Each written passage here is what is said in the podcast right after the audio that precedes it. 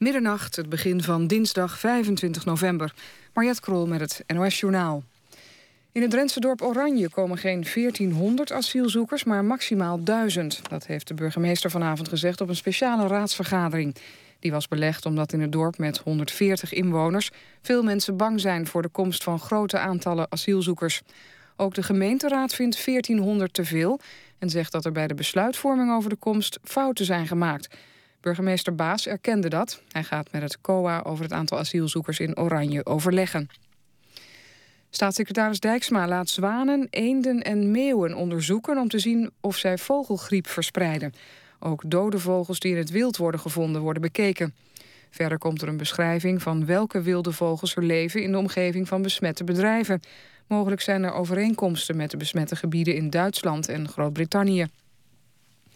Een speciale jongere-imam uit Amsterdam is voorlopig gestopt met preken... omdat hij door extremisten wordt bedreigd. Imam El Forkani zegt tegen Dagblad Trouw dat radicale moslims het hem kwalijk nemen... dat hij jongeren probeert te ontmoedigen om als jihadist naar Syrië of Irak te gaan. De politie zou hem hebben aangeraden tijdelijk wat minder actief te zijn. President Obama heeft tot kalmte opgeroepen in afwachting van het oordeel van een rechtbank over een politieman in Ferguson. De blanke politieagent schoot in augustus een zwarte ongewapende tiener dood. Dat leidde dagenlang tot rellen. Een rechtbank moet besluiten of de agent nu wordt vervolgd. Gevreesd wordt dat ontslag van rechtsvervolging opnieuw tot onrust zal leiden. En minister Kerry is positief over het verloop van de onderhandelingen over het atoomprogramma van Iran. Er is nog geen akkoord gesloten, maar er is wel substantiële vooruitgang geboekt. Ook de Iraanse president Rouhani vindt dat. Daarom praten de westerse landen, China, Rusland en Iran de komende maanden door. Het weer, wolkenvelden, maar ook opklaringen. Waar het helder is, is er kans op vorst aan de grond en ook mist is mogelijk. De komende dag begint nevelig, daarna wisselend bewolkt en zo'n 9 graden. En dit was het NOS Journaal. Dan is er verkeersinformatie. Een lange lijst met uh, file-meldingen en dat zijn vooral wegwerkzaamheden. Op de A1 Amsterdam richting Amersfoort tussen, knooppunt, tussen Diemen en knooppunt Diemen. Daar is de verbindingsweg dicht. Op de A6 Lelystad richting Muiden tussen Lelystad en knooppunt Almere. Door wegwerkzaamheden is daar de rijbaan dicht. En nog een melding, dezelfde richting. Tussen Muidenberg en knooppunt Muidenberg. Daar is ook de verbindingsweg dicht. Op de A9 Amstelveen richting Diemen tussen Gaasperplas en het knooppunt Diemen ook daar de verbindingsweg dicht. Net als op de A12 Utrecht richting Arnhem. Tussen Veenendaal en het knooppunt Maanderbroek. Op de A27 Utrecht richting Gorkum tussen Utrecht Veemarkt en het knooppunt Rijnsweert. Daar is de verbindingsweg dicht. En op de A29 Bergen op Zoom richting Rotterdam. Tussen knooppunt Vaanplein en Zuidplein. Daar is de rijbaan dicht. En op de A50 Arnhem richting Os tussen Heteren en het knooppunt Valburg. Ook daar is de verbindingsweg dicht. En dan de N15 Rozenburg richting de Maasvlakte. Tussen Rozenburg en de afrit Brielen. Daar is ook de rijbaan dicht. En dan de laatste, dat is een file op de N317 Dieren richting Dingsperlo. Tussen Doesburg en Laagkeppel. Daar staat 3 kilometer. En dit was de verkeersinformatie. NPO Radio 1. VPRO. Nooit meer slapen.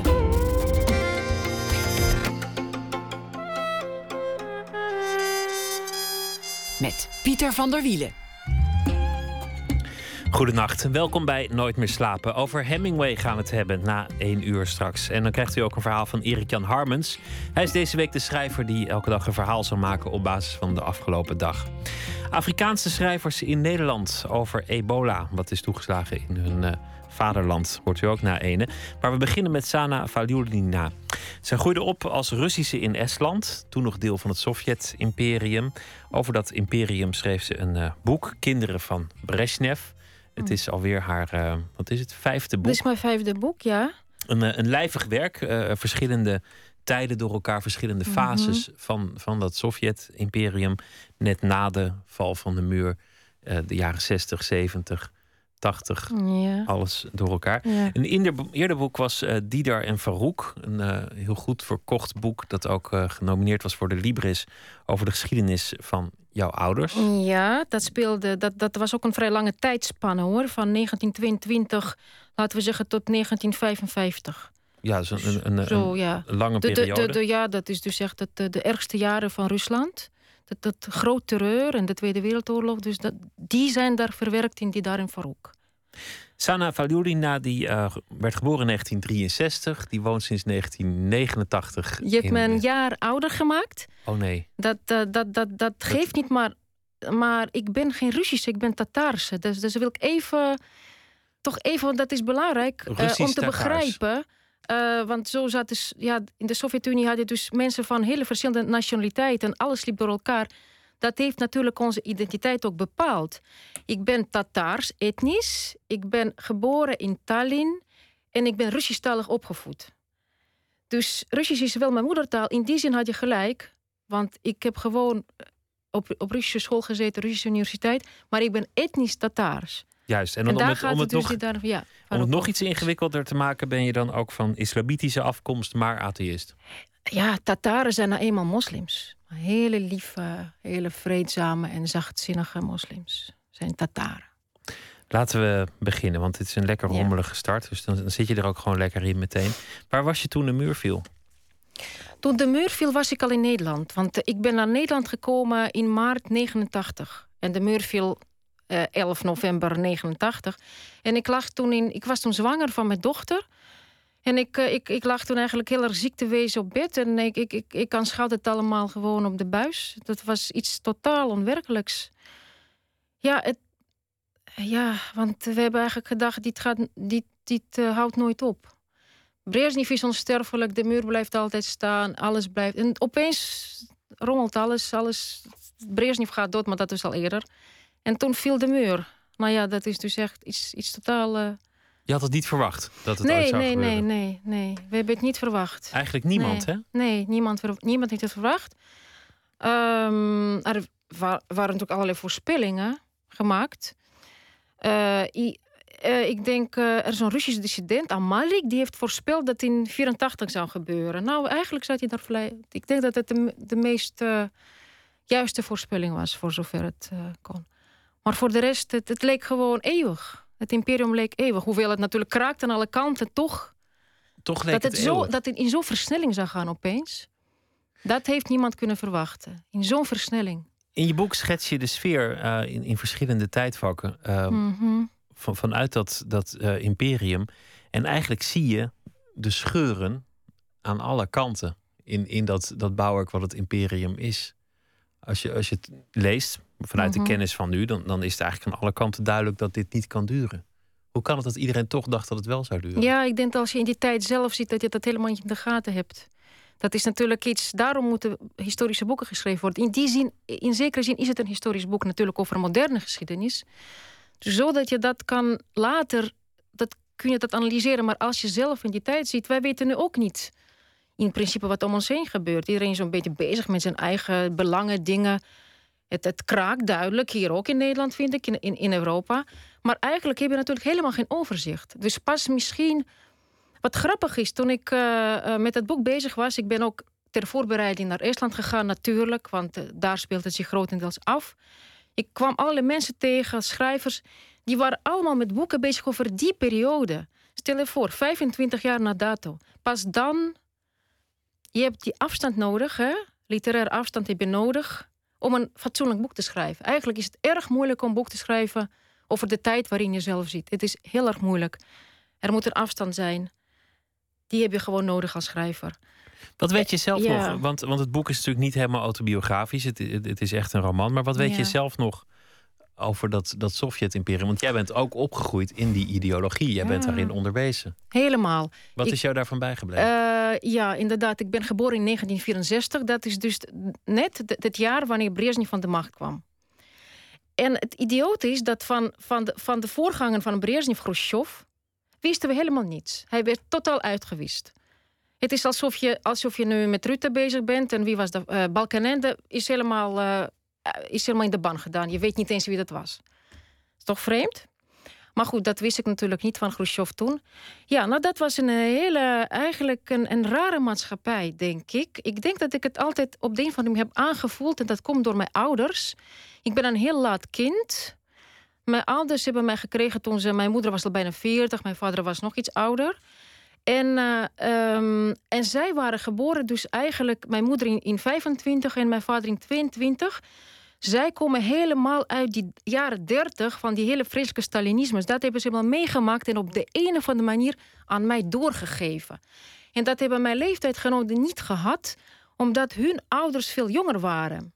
Begrijp je wat ik bedoel? Volgens mij is in mijn soort generatie heeft overgeslagen, waardoor ik meer band had met die geschiedenis van die jaren 30. Dus dat er iets heel ergs was in dat land. Maar natuurlijk werd er, in, werd er gezwegen, niemand wist daar iets van. Maar je had wat oudere ouders en die hebben eigenlijk de terreur van Stalin meegemaakt en jou erover verteld. Terwijl veel van jouw klasgenoten die hadden jongere ouders mm. die uit een wat betere um, tijd stammen. Ze hebben het niet verteld, want dat, dat was natuurlijk. Uh, uh, ze hebben het niet verteld, want dat was, zou heel onverstandig geweest zijn van hun kant als je kind met zoiets opzadelt, en dat was natuurlijk een verboden, verboden onderwerp, dan weet je niet allemaal wat er wat problemen, wat voor problemen er kunnen komen. Maar dat voelt dat voel je als kind gewoon. Je voelde dat er niets helemaal in de haak was. En natuurlijk, uh, 64, uh, oké, toen was ik in de jaren 70 zat ik op school. En het was een uh, ja, ideologie, pioniertjes, pionierskampen Lenin die nooit dood, Lenin die, die, die leefde, leeft en voor eeuwig zal leven. En nou ja, allemaal dat soort dingen. Ja, daar ben ik helemaal mee opgegroeid. Ik weet het niet. Het is heel iets. In je, in je boek komen ook steeds al die, al die, ehm, die, die lijvige leuzen en slogans van, van, het, ja, ja. van het onderwijs naar voren. Waarin je ja. eigenlijk steeds wordt onderwezen dat je leeft in een, in een helstaat. Ja, de, de gelukkigste. gelukkigste we, we waren de gelukkigste dat was nog niet zo erg eh, als bij Stalin. Dat, dat, uh, weet je, dat wij gewoon uh, opaatje of, of, of, vader Stalin bedanken voor onze gelukkige jeugd. Maar dat was eigenlijk, het scheelde niet veel. We waren de meest de gelukkigste mensen ter wereld. Want we hadden toch zo'n geluk om in zo'n prachtig land geboren te worden. Dus dat werd natuurlijk ingeramd. Het lijkt me ook verleidelijk om dat te gaan geloven. ja, ik denk dat er toch voel je, voelde ik althans een zekere, zekere valsheid. Volgens mij kun je dat ook. Uh... Ik voelde dat altijd. Ik weet het ook niet waarom. Maar. En bovendien, naarmate we ouder werden, werden we ook cynischer.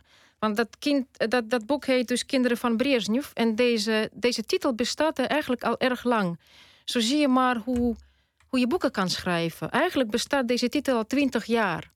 Ik heb in 1995 in Nederland, toen zat ik al in Nederland, eh, schreef ik wel eens een stuk voor de achterpagina van de NRC.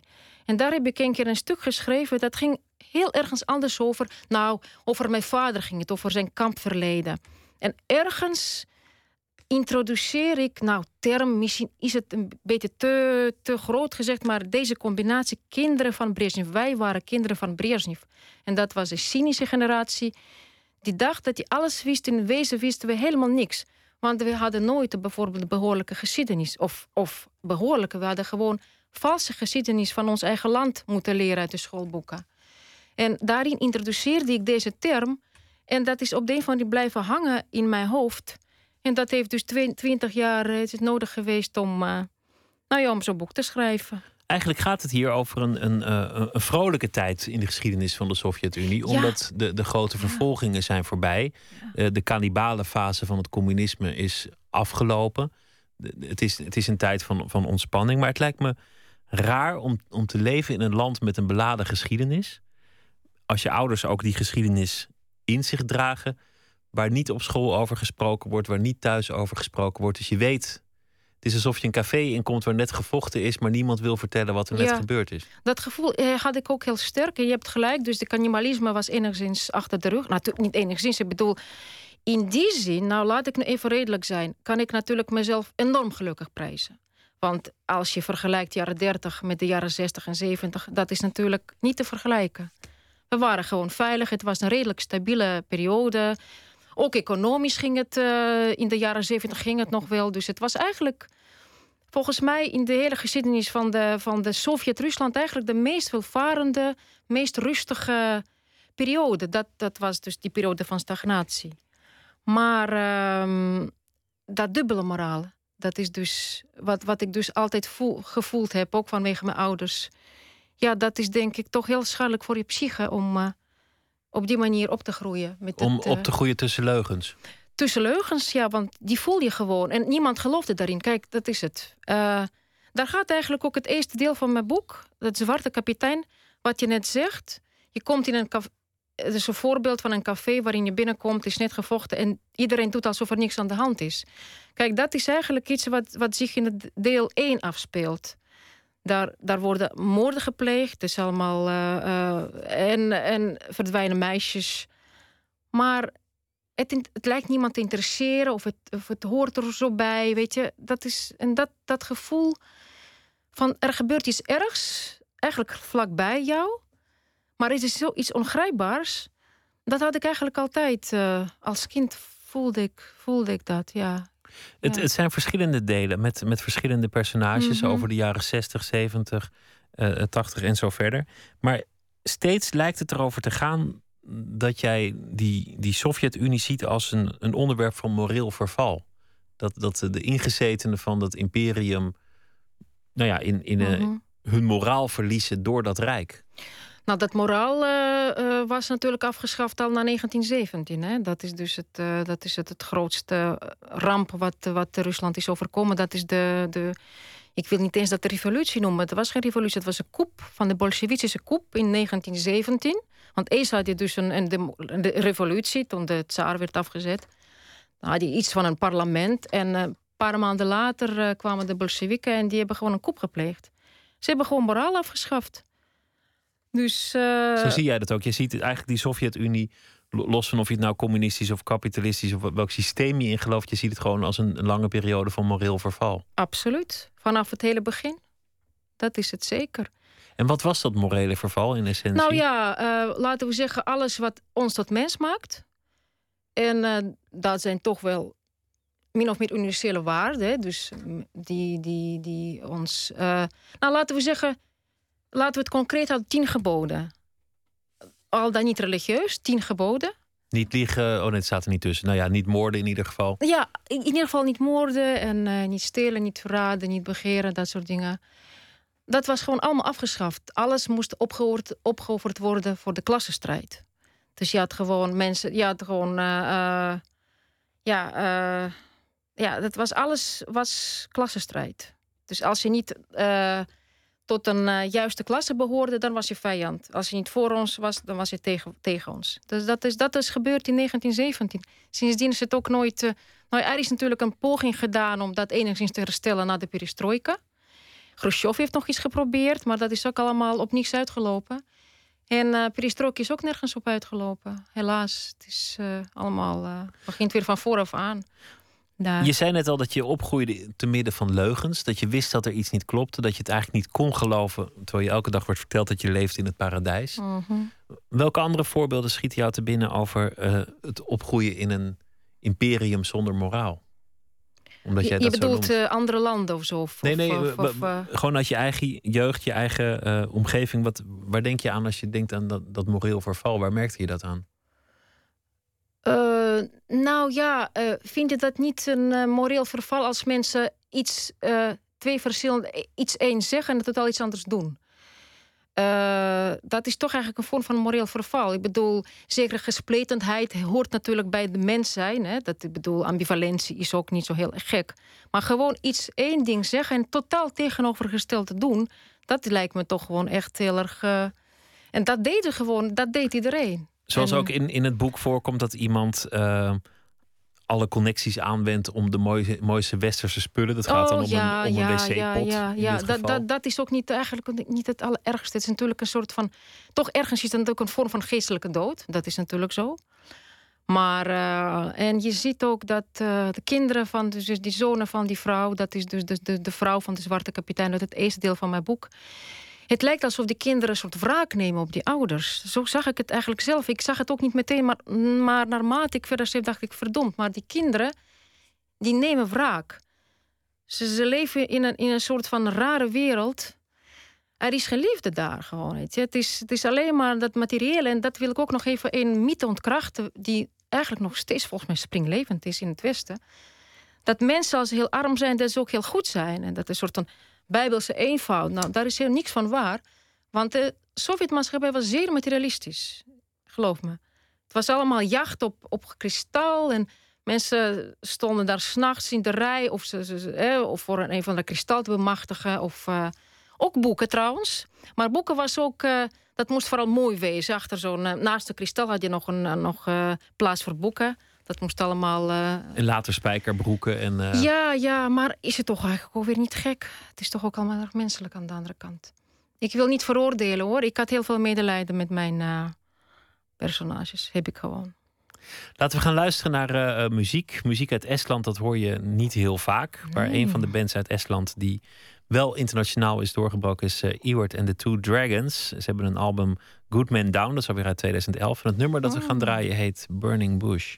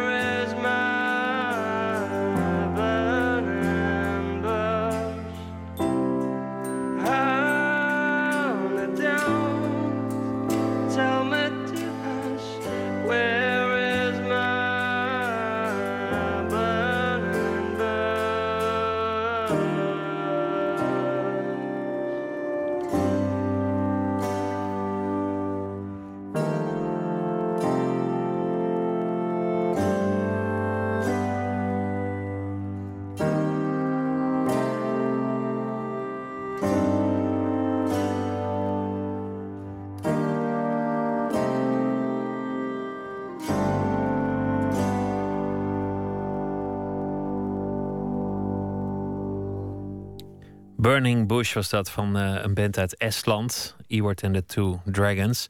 Sana Valjulina die zit, uh, zit hier. Ze heeft een boek geschreven, Kinderen van Brezhnev.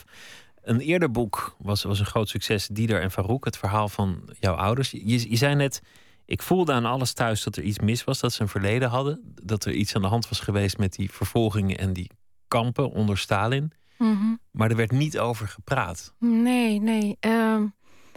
Nou, uh, mm, nee, er werd niet over gepraat, pas later. En, het, en uh, dat mijn vader bijvoorbeeld tien jaar in een kamp heeft gezeten, dat heb ik gehoord van mijn neef. Dat is heel raar, want, uh, want mijn familie wist het natuurlijk wel.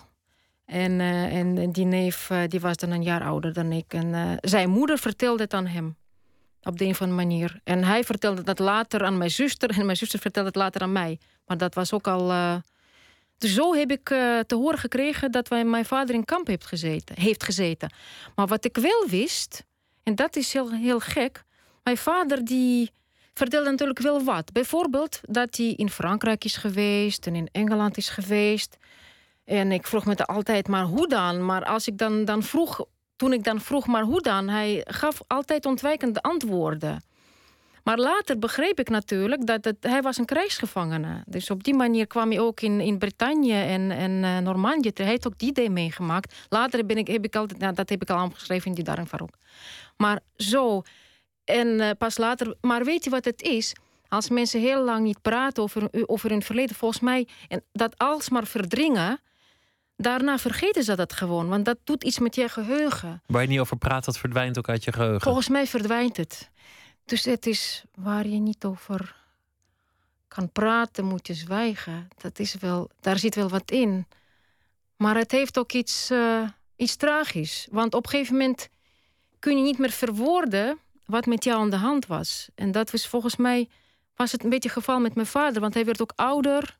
Zijn geheugen ging sowieso achteruit. En dan het leek me echt vreselijk. Misschien ben ik daarom gaan schrijven. Het moet hem ook op allerlei manieren gevormd hebben, dat verleden. Maar natuurlijk. Het was een hele. Eh, dat, dat wist ik trouwens ook. Pas later ben ik achtergekomen. Hij was natuurlijk. Hij gooide nooit iets weg. Het was een ramp. Eh, nou, uh, afgebrande lucifers nog net. Touwtjes. Uh, alle, allerlei stukjes kleine stukjes, lucifer, lege luciferdoosjes, niks werd weggegooid. Mijn moeder werd helemaal wanhopig geworden van toen. Als ze iets weggooide, dan was het een, een scène in, bij ons thuis.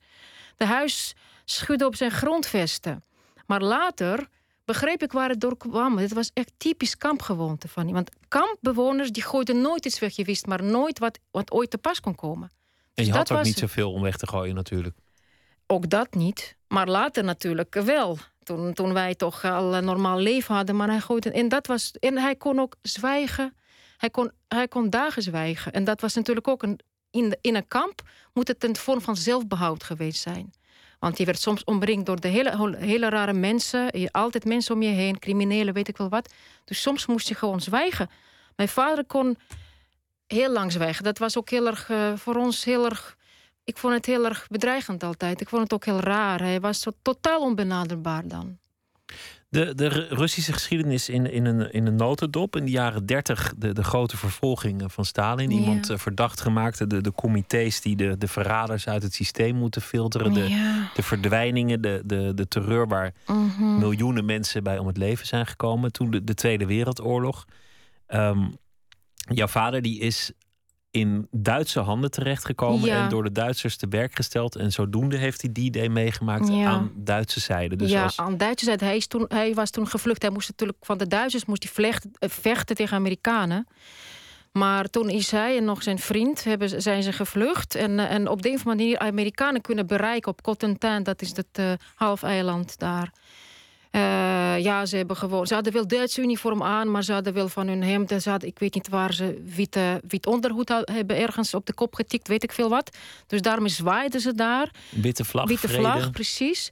Dus het waren twee Amerikaanse artsen die daar reden in hun jeepje. En toen zagen ze twee van die belabberde figuren met zo'n witte vlag. En ze, uh, en ze dachten nog, god, moeten we stoppen of niet? Dat, uh, en toen stopten ze toch. En dat was dus mijn vader met zijn vriend. Dus, dus zo een van de... is hij daar... Een van de, de, de, belangrijke momenten in jouw research is geweest dat je een artikel over jouw vader vond in een van de vele D-Day musea langs de Normandische kust. Ja, ja, ja. In Bayeux. Dus daar heb je niet alleen maar dat prachtige tapijt, maar dat heb je ook een heel erg uh, schitterend ouderwets museum uh, met allemaal. Uh, nou ja, uh, uh, wapens bijvoorbeeld. Hè. Zware wapens, lichte wapens, maar ook allerlei accessoires van, van het soldatenleven. En ook heel veel krantenknipsels. En daar was een afdeling Russians in Normandy. Nou ja, ik ben natuurlijk. wat, ik was eigenlijk naar Normandië gegaan. Ik zat toen ergens halverwege mijn boek, die daar in Farouk. En uh, uh, op een gegeven moment uh, dacht ik, weet je wat, ik weet er eigenlijk niks van die periode. Want was, mijn vader was toen al dood. Hij heeft me eigenlijk bijna niks over verteld, over die periode. En toen dacht ik, ik ga daar gewoon naartoe. Ik combineer vakantie met, met een soort research gewoon om, om die lucht op te snuiven. Naar die stranden te gaan kijken. En nou ja, natuurlijk zijn we naar het museum gegaan. En, en opeens, nou, opeens hangt er een stuk uh, van een Amerikaans uh, tijdschrift dat heette Yank. Dat bestaat ook al lang niet meer. En daar uh, staat het gewoon het, de naam van mijn vader. En, En uh, uh, ja, ik wist niet echt wat ik las. Toen was ik natuurlijk, uh, ik, was, ik was in tranen uitgebarsten of net niet. Toen ik rende ik naar de. Want dit was het eerste, eerste tastbare bewijs dat hij daar geweest bewijs. was. Ja, precies, precies, precies. En toen heb ik dat stuk niet meteen gekregen, want die directeur zei tegen me: Ja, maar madame, maar er zijn andere bezoekers en die willen het allemaal lezen. Ik dacht, nou, maak dan gewoon een kopie. Maar later heeft hij toch naar mij toegestuurd. En dat, was, dat heb ik nog steeds, dat vind ik, met foto's. Ik herkende hem gewoon op de foto's. Want hij is toen voor de Amerikanen gaan tolken.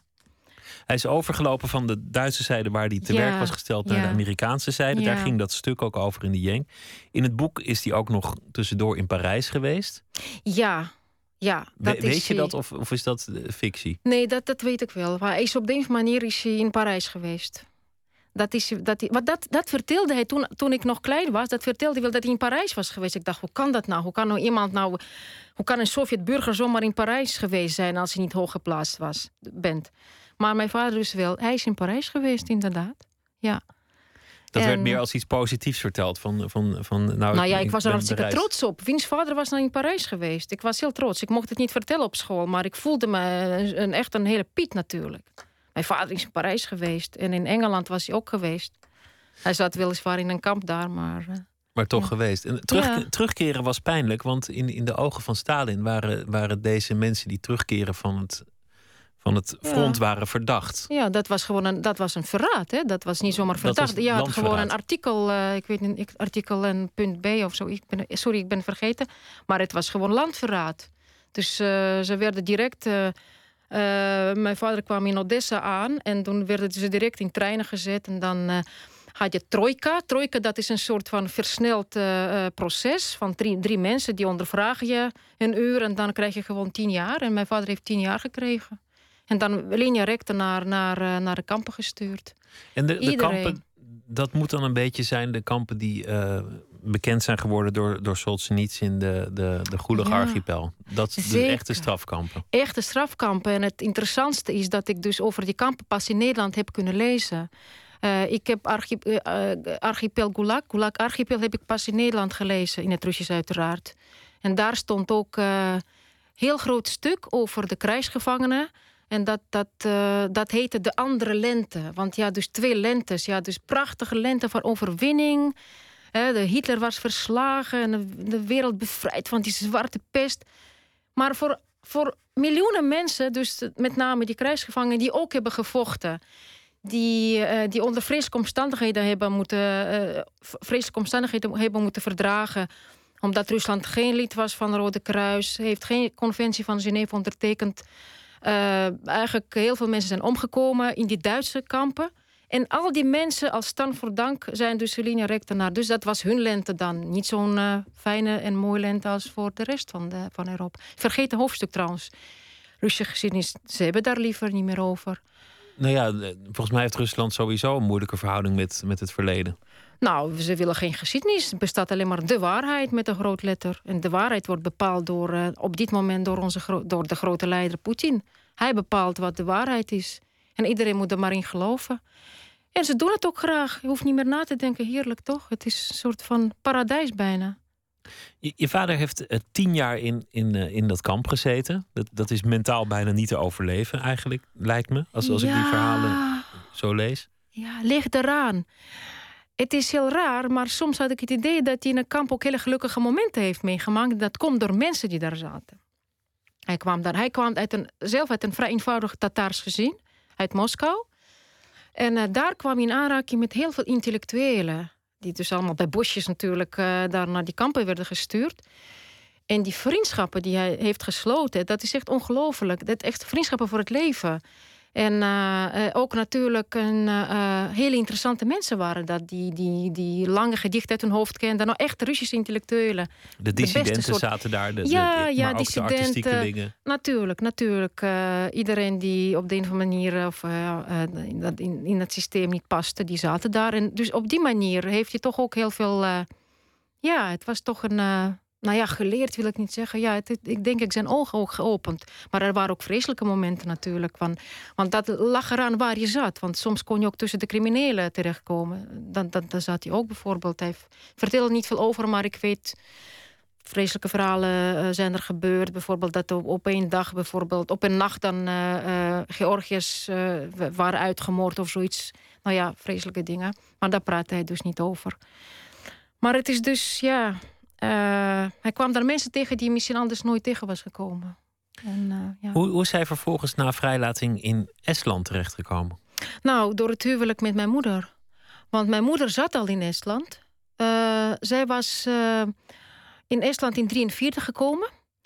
Uh, zij was zelf geboren in de buurt van Leningrad. Dat is nu Sint-Petersburg. En het was, in de oorlog was het de frontlinie. De Duitsers zaten natuurlijk heel vlak, vlakbij Leningrad. En toen moesten de, alle bewoners van, van, van, dat, van, van die voorsteden van Leningrad... Moesten, werden westwaarts gedreven. Dat waren vluchtelingen. En uh, op die manier is mijn moeder in Estland terechtgekomen, dat toen in Duitse handen was. En daar is ze gebleven. Want ook toen de Russen kwamen, uh, nou ja, goed, zo gezegd Estland bevrijd. Maar we weten precies wat die bevrijding inhield. Mijn moeder is daar dus gebleven. En later is zij. Um, uh, het is zo dat de tante van mijn moeder was getrouwd met de oom van mijn vader. En mijn moeder ging naar Moskou op bezoek bij haar tante. Eh, die dus getrouwd was met de, met de oom van mijn vader. En daar uh, zag ze opeens een brief op de tafel liggen. Van een, eh, een, een, en ze vroeg dan, ze was heel nieuwsgierig, wat is dat voor een brief? Oh, zei die, dat is van een neef van hem en die zit in een kampen op fluistertonen. Ja, ja, ja. En hij schrijft en hij schrijft en, en wij hebben geen tijd om te antwoorden. En toen, mijn moeder was een echt pioniertje. Ik bedoel dat nu overdrachtelijk. Pioniertje van die iedereen wil helpen was ongelooflijk. En toen zei ze, ik ga hem redden, ik wil hem een brief schrijven. En ze heeft een brief geschreven en meteen een antwoord gekregen. Zo zijn ze, het is een briefwisseling van tien jaar geweest. Ze hebben elkaar natuurlijk nooit gezien. Pas echt, na eh, tien jaar. verliefd geworden op papier. Ja, dat kan dus. Want uh, het was voor haar een grote teleurstelling toen ze hem in levende lijf uh, aanschouwde. Want zij was een hele mooie vrouw en hij was maar een, een zo'n klein mannetje. Hij was vrij klein en blond en, en niet zo opvallend. En ze was gewoon een uh, hele mooie zwarte ogen. Een zwarte, echte Tataarse vrouw, Tataarse schoonheid. En toen ze hem zag, nou, dat was wel een teleurstelling. Maar jij zat er tien jaar naar uitgekeken om hem te ontmoeten. Ja, ook dat. Maar dat, toen is ze toch weer weggegaan. Maar toen uh, besefte ze opeens dat ze niet meer zonder hem kon. Dat was toch iets, iets ja, een grote band. Is een verwantschap was er ontstaan. Verwantschap, ja. Zodoende ben jij uh, geboren in, in Tallinn, in, uh, in Estland. Ik wil een grote stap maken, want jij, jij noemt de Sovjet-Unie een, een uh, lange periode van moreel verval. Mm Je hebt ook geschreven, ook in, in het laatste boek, over de periode kort na de val van de muur en het, en het einde van het imperium. En eigenlijk beschrijf je ook dat als een periode van ernstig moreel verval. Nou ja, moreel verval. Um, het was natuurlijk welke maatschappij kan je bouwen op zo'n uh, zieke maatschappij? Daar moet heel wat gebeuren. Uh, weet je wat zo erg was eigenlijk, denk ik, in de jaren negentig? Dat noemden we ook nog steeds de ruige jaren negentig... dat er opeens geld intreden deed in dat, in, in dat land... wat eigenlijk in moreel verval verkeerde. Nou, dat is dus eigenlijk een dodelijke combinatie. Want geld corrompeert per nou, definitie ja, geld corrompeert en, en eh, geld ten koste van alles. Kijk, als je geen morele waarde hebt... en heel veel geld wil verdienen in een hele, hele snelle tijd... dan is het eigenlijk maar één weg en dat is toch een beetje weg van maffia. En dat is gebeurd in, in de jaren negentig... Uh, in, uh, in Rusland, ook in Estland, uiteraard. In Estland was ook heel heftig. En uh, nou ja, later is het min of meer. Ach, uh, ja, die eerste periode die was heel heftig. Dat was een beetje. Zijn ze eroverheen gekomen. En toen zijn de schatten van Rusland min of meer verdeeld tussen allerlei clans. Dus in zekere zin kun je van een stabiele situatie spreken. Dus die moorden die, die waren niet meer zo openlijk en niet zo meer op straat. Dat ook allerlei onschuldige mensen slachtoffer werden van allerlei uh, schietpartijen. Maar uh, het is natuurlijk toch een, een zeer gewelddadige maatschappij. Altijd geweest, vanaf 1917 is het altijd gebleven. Want Rusland wil niet zijn geschiedenis leren kennen. Dat is gewoon iets wat ik heel kwalijk dat is gewoon een hele kwalijke zaak. Nog steeds? Nog nou, steeds? Nee, natuurlijk niet. Dan nu is dat helemaal uh, heel erg met, uh, met, met, met Mr. Poetin aan het hoofd. Uh, dat is Zou je kunnen zeggen dat Poetin, Poetin zijn succes dankt aan, aan het feit dat hij in ieder geval voor het oog van de publieke opinie heeft afgerekend met die oligarchen en, en die maffia-clans? nou, wie gelooft het eigenlijk nog? Want en zijn, je, je bedoelt zijn succes voor de, bij de Russen? Ja, ja. Zijn populariteit? Nee, dat denk ik niet. Ik denk dat hij nu uh, dat hij een, een schitterend vijandbeeld heeft geschapen. Dat is natuurlijk wat mensen altijd nodig hebben. Zeker in, in, in de tijden van economische recessie. En dat is in Rusland altijd uh, gaande omdat er geen hervormingen hebben plaatsgevonden. Het is gewoon een soort roofkapitalisme. Die hebben die schatten verdeeld, zichzelf enorm verrijkt. En die kruimeltjes mag het volk hebben. Maar dit kan niet eeuwig duren. De, die olieprijzen dalen gewoon, weet je. Dus op een gegeven moment zakte zijn populariteit. Hij is natuurlijk... Uh, zeer. Uh, het is een Machiavelli, niet in het kwadraat, maar ik weet niet in, in, in, dus honderd keer zo. En toen, het is gewoon een plan. Hij heeft het bedacht, hoe moet ik nu, hoe moet ik aan de macht blijven? Want hij, en toen zag je ook nog die verschrikkelijke beelden van Gaddafi. Weet je, dus toen begon ook die revolutie in, in, in, in Noord-Afrika. Gaddafi, die toch zo gezegd zo geliefd was, opeens, hoe eindigt hij? Ik denk dat Poetin heel erg bang is geworden. En toen is dit hele patriotisme, nou, dat was natuurlijk al gaande wat hij toen gedaan heeft. Uh, West-Amerika, homo's. Oh god, oh mijn god. Dat is erg. En daar, het gaat, daar, daar, het gaat toch uiteindelijk over het herstellen van, van een gevoel van trots en een gevoel van imperium. Ja, precies, precies. Wij, zijn onoverwinnelijk. Wij hebben de, de Tweede Wereldoorlog uh, gewonnen, maar ten, ten koste van wat?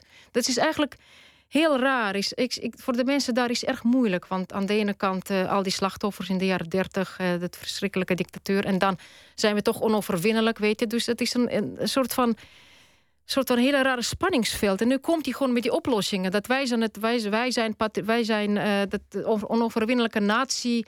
En nou ja, daaraan ontlenen ze dus hun, uh, hun identiteit op een of andere manier. Dus dat is het.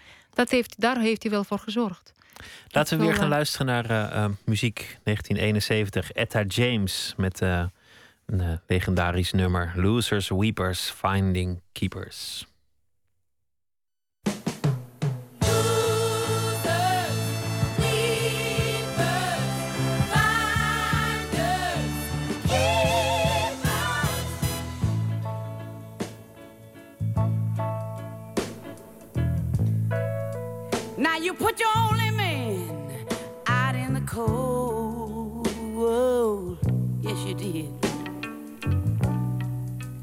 Just because your best friend told you he was too old.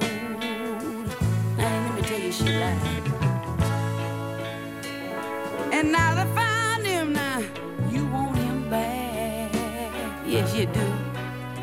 But let me tell you now. But I'm telling you right now, Etta, I ain't going for that. No, it was a case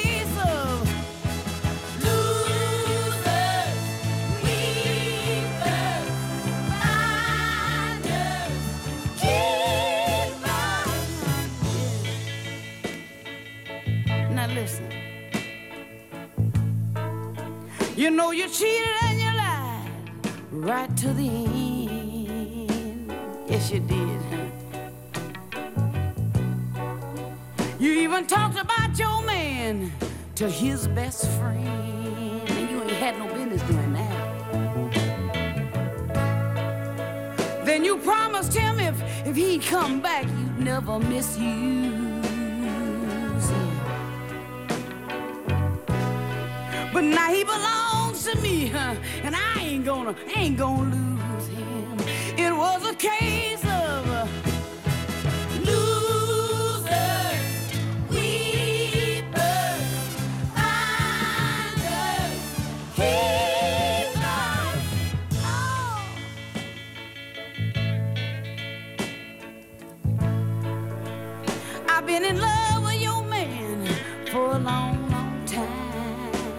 Yes, I have. You didn't know that, did you? I've been trying to think of a way to make him mine. Now listen,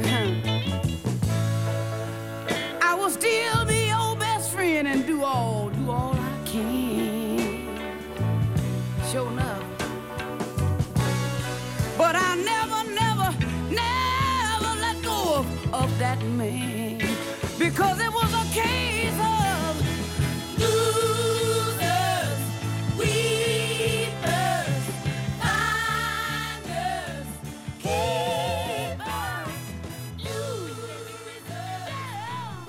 Losers, Weepers heet het nummer. Losers, Weepers, Finders, Keepers van Etta James was dat uit 1971. Sana Valjulina die zit uh, tegenover mij. Uh, ze heeft een uh, boek geschreven, De Kinderen van Brezhnev. Um, jij bent opgegroeid in Estland en op een zeker ogenblik, 1989, nog voor de val van de muur, terechtgekomen in Nederland. Mm -hmm. Voor die tijd heb je Noorse taal en letterkunde ja, gestudeerd. Ja, ja.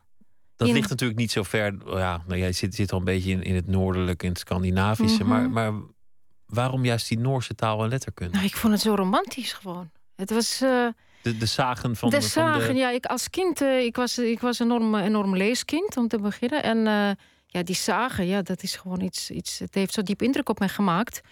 En, en toen ik ging studeren aan de Universiteit van Moskou, Romaan-Germaanse afdeling filologie, toen hadden ze daar ook een, eh, zo'n groep voor kleine rare talen, noemden ze dat. En ieder jaar was weer een, weer een of andere rare taal. Bijvoorbeeld één jaar was Zweeds, dan was Deens, dan was Nederlands, dan was Noors. En het jaar waarin ik eh, begonnen ben met studeren, hadden ze Noorse taal. En dat was me nog een concours, want iedereen wilde Noors studeren. Dat zou je eigenlijk niet geloven hier. Hè? Het waren echt, we moesten een soort van. eh, ja, ik had al toelatingsexamen gedaan, het was zwaar. Want ik heb drie jaar mijn, mijn toelatingsexamens moeten doen om toegelaten te worden. Dat was een heel prestigieuze universiteit, de beste universiteit ter wereld. En dan eh, moest je nog ook, dus om Noors te mogen studeren, moest je ook nog een soort van gesprek voeren met die hele afdeling, met professoren, helemaal uitleggen waarom je dat wilde. Dus, eh, en ik wilde dat heel graag. Ja. Het is natuurlijk ook, ook een studie die, waar je niemand mee tegen de schenen schopt als de waarheid gevoelig ligt. Ik bedoel, Oei. een studie politicologie of geschiedenis lijkt me wat ingewikkelder. Ja, maar dat, dat, dat was studie politicologie. Ten eerste hadden we helemaal geen politicologie daar. En geschiedenis, dat was gewoon een en al eh, vervalsing. Dus dat, dat, eh, Leninistische, dus dan ga je ja. maar Noorse zagen. Natuurlijk, natuurlijk. Dat was een prachtige niche. Want voor, ja, want waren dus in Rusland, in de Sovjet-Unie, zulke geweldige wetenschappers eh, eh, op allerlei gebieden. En iedereen zat een beetje in zijn niche, maar ze waren zeer breed georiënteerd. Het waren allemaal een soort huizingas, wat ik hier zo heel erg mis. Echt van die renaissance mensen die niet alleen in hun klein vakje zaten, maar ze wisten zoveel, al de verbanden leggen tussen verschillende disciplines. Het heet ook niet zomaar, niet zomaar filologie. Filologie is niet alleen maar een taal of alleen literatuur. Het is gewoon alles wat daarmee te maken heeft. Dus ja, dat was inderdaad. eh Dus het was voor jou eigenlijk eh, in, in Moskou in, in de jaren tachtig, dat was, was eigenlijk een heel eh, verlicht, verlicht klimaat. zeker verlicht klimaat. En ook een losbandig klimaat. Want Ja. in een van je boeken, die ik toevallig niet gelezen heb, beschrijf je dat klimaat in de, in de jaren tachtig in Moskou met, met heel veel, heel veel vrije seks. Weet je, en mensen willen en- zich natuurlijk ergens vrij voelen. Dus als ze zich daar, daar zo door de staat worden onderdrukt, is het natuurlijk niet gek dat ze dan. eh, dat er op een andere ja, gebied uitspattingen zijn. En dat is toch ook wel. Losbandigheid. Ja. Ja. losbandigheid. Nou ja, goed, hier hadden we toch ook, hadden jullie toch ook eh seksuele revolutie. Dat was ook een soort, ik weet niet of het soms protest was of iets, maar misschien wel. Jaren Kijk niet 60. naar mij, hè? Ik, ik, Nee, maar goed, Ja. ik denk gewoon, maar ja, goed, jij komt toch uit deze cultuur, uit deze maatschappij. Hoe verklaar je dat dan? Ik bedoel, en we waren jong natuurlijk. Ik bedoel, het is toch, ach, waar gaat het dan over als je twintig bent? ja, dan moet- Seks en vrijheid, dat zijn hele belangrijke dingen. En toch zijn deze twee ook op de een of andere manier met elkaar verbonden. Dat schrijf ik toch ook in, het, eh, in, ook in, in mijn boek Kinderen van Brezhnev. Deel 3 gaat ook daarover, ook over studenten. Seks en vrijheid, dat, is, dat zijn zulke belangrijke dingen als je 20 bent en 23. Dat moet je allemaal ondervinden en hoe dat tot elkaar weerhoudt en zo. Hoe, kwam je, hoe kwam je weer in Nederland eh, terecht? Na, na je studie? Ik, kwam, eh, ik heb een Nederlandse man leren kennen in Moskou. En eh, zodoende. En toen zijn we getrouwd in Tallinn, want dat kon in Moskou niet. Dat was heel ingewikkeld. Maar in Tallinn kon het weer wel. En op die manier, we zijn daar eerst getrouwd. We moesten gewoon bijna een jaar wachten op het visum. Dat, eh, dat waren toch nadagen. Hè? Dan, en, eh, en toen heb ik visum gekregen. En toen ben ik in maart 89, 89 eh, ben ik naar Nederland gekomen. Wat een hele onderneming was, want die muur die stond er nog, het ijzeren stond, gordijn ja, lag er nog. En alles, Ja. alles was nog ingewikkeld. Dat zou een paar maanden later veel makkelijker zijn geweest. Ja, ja, ja, ja, ja, ja, maar ik zat net in die laatste, laatste jaar, in het laatste jaar van het imperium. Je hebt een, een, ook een Nederlands boek geschreven, 100 jaar gezelligheid. Een uh, variatie op 100 jaar eenzaamheid, maar Ja. volgens mij nog niet eens zo heel erg zo bedoeld. Maar, Nee, goed, ja, titel is wel... eh, maar Ja. heel Nederlands natuurlijk, gezelligheid als een, als een ja, hoog oh god, ideaal. ja, ja, een soort ideaal, ja, gezelligheid. Kent geen grenzen. Als het maar gezellig is, doe niet zo gezellig. Nou, wat hebben we nog meer? Ben het een beetje uit die gezellige sfeer geraakt door een, boek over kinderen van Brezhnev te schrijven. Nou, ik zag eigenlijk wel een paar parallellen. En, en een daarvan is dat waar iedereen elkaar maar blijft vertellen in Kinderen van Brezhnev: van nou, we leven in een helstaat, we hebben het hier het best van de hele wereld, terwijl iedereen ziet dat het niet zo is. Dat geldt eigenlijk ook voor het dogma der gezelligheid. Het moet tegen elke prijs gezellig. We hebben het Ja. gezellig, dat hebben we nou eenmaal zo afgesproken. Ja, dat is natuurlijk ook een soort van eh, zelfbehoud. Hè? En eh, dat is ook een, eh, toch een vorm van burgerlijke conventie. Hè? Dat is, dat is, dat is façade moet toch allemaal blinken en, en het moet eh, gepoetst zijn. En het is ook een beetje handelsgeest, denk ik. Hè? Ieder Nederlander heeft ook zo'n winkeltje. Het moet allemaal goed gaan. Hè? Dat is toch, de buitenkant is erg belangrijk in een burgerlijke maatschappij. Een andere eh, manier waarop dat weer terugkomt, wat, wat in al die boeken speelt. Hè? Aan de ene kant het, het dogma dat wordt uitgedragen, en aan de andere kant de barsten die daarin komen. De zelfontplooiing, dat speelt een vrij grote rol in, in het boek 100 jaar Mm. gezelligheid. Mensen die heel erg bezig zijn met hun gevoel en zich leren uiten Mm, en hun emoties, maar tegelijk helemaal geen gevoel hebben wanneer het aankomt op mensen in hun omgeving. Ja, ja dat, is, eh, dat gaat inderdaad over een soort zoektocht van iemand. eh, wat, ik, wat ik gemerkt heb, wat ik, ja, ik, ik woon hier natuurlijk al 25 jaar. En dan eh, jonge mensen. Soms zag ik gewoon dat ze alle voorwaarden hadden als het ware om gelukkig te zijn. Liefhebbende ouders, eh, natuurlijk enorm welvaart, goede scholen. Ik heb het nu niet echt over, ik heb het nu echt over middelklasse. eh, en dan toch zo ongelukkig zijn. En zo. eh, opstandig zijn en zo niet, niet zozeer niet willen deugen, want dat hoort ergens bij de jeugd, maar zo intens ongelukkig zijn. En, en dat fascineert me gewoon enorm. Dus dat is mijn, mijn personage, is dat ook een beetje. Hij wil eigenlijk helemaal niets wat zijn ouders willen. Hij heeft eigenlijk pest aan, al die, aan alles wat zij prachtig vinden. Hij komt hij uit een- doorziet het als het ware ook. Hij komt uit een heel goed milieu. en hij kiest ervoor om, eh, nou ja, om, Om vuilnisman te worden. vuilnisman Ja. en dan ook niet zomaar vuilnisman, maar ook in de Belmer. In de Bijlmer. Nou, daar in dat boek heb ik mijn liefde voor de Bijlmer natuurlijk ook helemaal eh, kunnen uitleven. Want jij ik, woont daar ook zelf al ik heel woon, lang. ik woon nu in een. Ik, ik, ik, inderdaad, ik, eh, ik woon in de Bijlmer. Nou, Bijlmer is groot, hè? Eh, Zuidoost is heel groot. Het Zuidoost is gewoon een, een, middengrote Nederlandse stad. Dus het heeft ook verschillende buurten. Maar ik heb eh, een tijdje gewoond, of eigenlijk best lang, eh, in de buurt van de Amsterdamse Poort. Dus echt de Bijlmer. Dus dat is echt hardcore Belmer, toch? Nou, hardcore is, is niet helemaal hardcore, wat zachter. Maar toch wel eh Bijlmer. En eh, ik heb het gewoon. eh, en ik, ik hou van deze buurt. Het is een eh, waanzinnige buurt. Heel erg. eh, eh, eigenlijk grootstedelijk. Wat je dat in Jordaan helemaal niet hebt, bijvoorbeeld in Amsterdam. Dat is eigenlijk een dorp. Maar als je in de Bijlmer komt, in Zuidoost, het is echt een grote stad met alle tegenstellingen van dien, verschillende culturen. Dat is gewoon zo. Dat is, geglobaliseerde wereld heeft zich geconcentreerd in Zuidoost. Je moet er tegen kunnen of niet. Het, is, het heeft ook natuurlijk ook. Het is niet gezellig, laat ik zo maar zeggen. Klopt het dat je ook een keer bent verhuisd omdat je niet kon werken als schrijver omdat de buren zo'n lawaai maakten? Dat klopt. Dus uit deze buurt ben ik inderdaad, want waar ik vroeger, want ik ben verhuisd, want voor mij schrijven allerbelangrijkste. Als ik niet kan schrijven, dan, dan nou ja, ik zou zeggen, ik leef bijna niet. Dat is misschien een beetje dramatisch om ze uit te drukken, maar voor mij is schrijven echt een kwestie van leven en dood. En ik, ik werk thuis, dus, eh, en, en zij zitten dan om 12 uur s ochtends eh klote muziek aan. Nou ja, dat is, betekent, ik kan niet werken, ik kan me niet concentreren. Als ze nou nog mooie muziek hadden Als aangezet, er dan... nog eens nog een mooie muziek, maar dat was een vreselijke muziek. En eh, dat, dat praten, dat zit er niet in. Nee, dat waren heel ongezellige mensen. maar dus- toch, toch heb je een, een- ja. een liefde voor de Bel. Maar Ja, daar gaat het boek ook Ja. over. Iemand die, ja, eigenlijk iets onwaarschijnlijks. Iemand van, van zeer goede kom af die alles in de steek laat wat er met de paplepel wordt ingegoten. En waar, wat eigenlijk voor hem klaar ligt. De toekomst die hij kan oprapen om... Ja, maar dat is een beetje heilige leven. Hè? Alle heiligen beginnen zo. Weet je, die heilige verhalen, want die, gaan ook al, die komen ook altijd van... Nou, kijk naar San Franciscus. Dat prachtigste heilige die, die daar bestaat. Die, is toch ook, die was dus de zoon van een hele rijke koopman. Maar op een gegeven moment heeft hij alles afgezworen. Hij is eerst gaan vechten, maar toen zag je dat het niks voor hem was op een gegeven moment. En steeds een. En, en mijn, mijn held is eigenlijk een heilige. Want het is een soort van. Ja, dat, dat hebben een paar mensen dat hebben wel, wel ontdekt dat in dat boek. Hij, hij, hij gaat door verschillende stadia van heilig worden, totdat hij toch.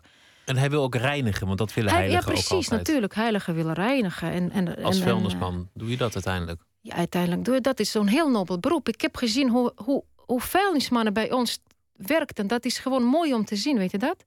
Hoe sterke, grote mannen die, die, die het vuilnis oprapen, dat allemaal. Het is fantastisch. Ik ben natuurlijk een schrijfstertje. Ik, ik, ik werk met mijn hoofd. Ik, ik, ik, ik, ik heb veel respect voor mensen die met hun handen werken. En die ook zo ontzettend nuttig werk verrichten. Ik Toch- ben dol op die vuilnismannen bij ons. Toch las ik er ook kritiek in op, op de Nederlandse samenleving. nou ja, schrijven is vorm van maatschappijkritiek. Hoe dan ook. Als, als, als schrijver geen maatschappijkritiek is. Laar polar is niks voor mij. Ik bedoel, dat hele idee van laar polar heeft ook bijvoorbeeld... die komt uit een Russische traditie.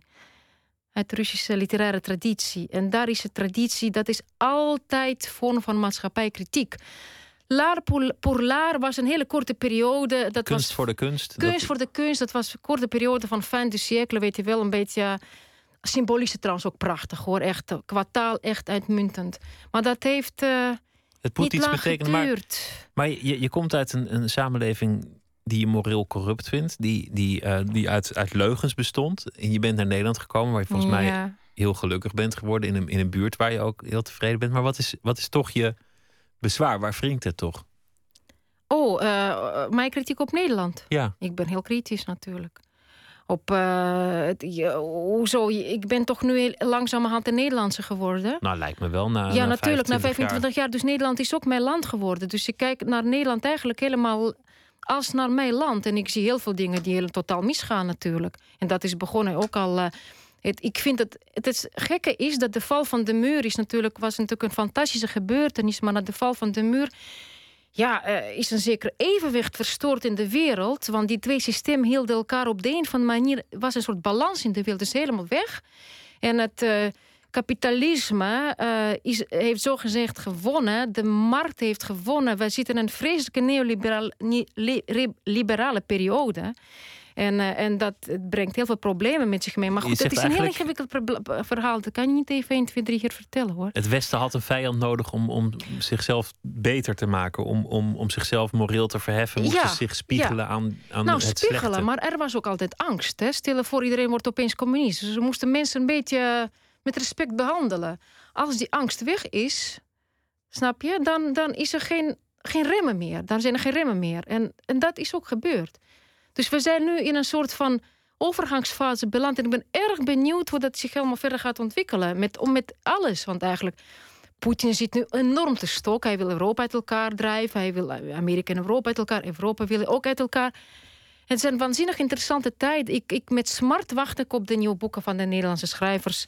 Die over deze tijd geëngageerd, maar niet in de stomme zin van geëngageerd zijn. Want daar hou ik helemaal niet. Ik hou niet van pamfletten. Het moet gewoon een mooi boek worden over deze buitengewoon ingewikkelde en boeiende tijden. Voor de schrijver Walhalla. Een walhalla voor de schrijver deze boeiende tijd. Is ook een gezegde, hè? mogen u in een eh, boeiende tijd leven. Nou, dat is dan gelukt bij deze. Mm. Dank eh, dat je te gast wilde zijn, Va- Sana Valjunina. Kinderen van Brezhnev eh, heet het boek. En dank dat je te gast wilde zijn. Zometeen in Nooit meer slapen gaan we het hebben over ebola. Nederlandse schrijvers die afkomstig zijn uit West-Afrika... die vertellen over hun ervaringen met eh, de pandemie die eraan zit te komen. Erik-Jan Harmens die schrijft een, eh, een verhaal voor ons. Elke dag doet hij dat eh, deze week. En we gaan het hebben over de pensioengerechtigde leeftijd... die ook in de media om zich heen grijpt. Niet tot ieders grote vreugde, zo blijkt. Dat allemaal zometeen via Twitter, het VPRO NMS... of via de mail nooitmeerslapen.vpro.nl.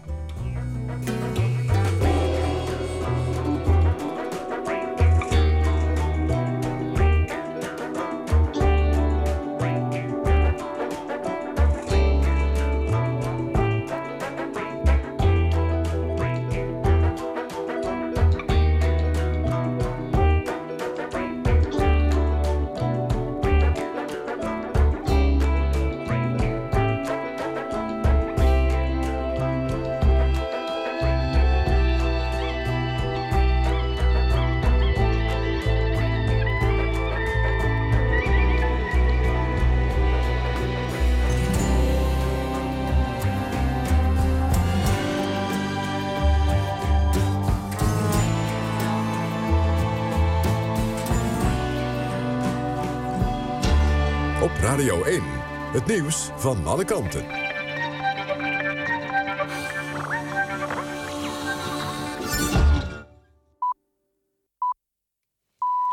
1 uur, Mariette Krol met het NOS-journaal. Net als president Obama heeft ook gouverneur Nixon van de Amerikaanse staat Missouri... de inwoners van Ferguson tot kalmte gemaand. In de Amerikaanse stad loopt de spanning op... in afwachting van het oordeel van een rechtbank over een blanke politieman.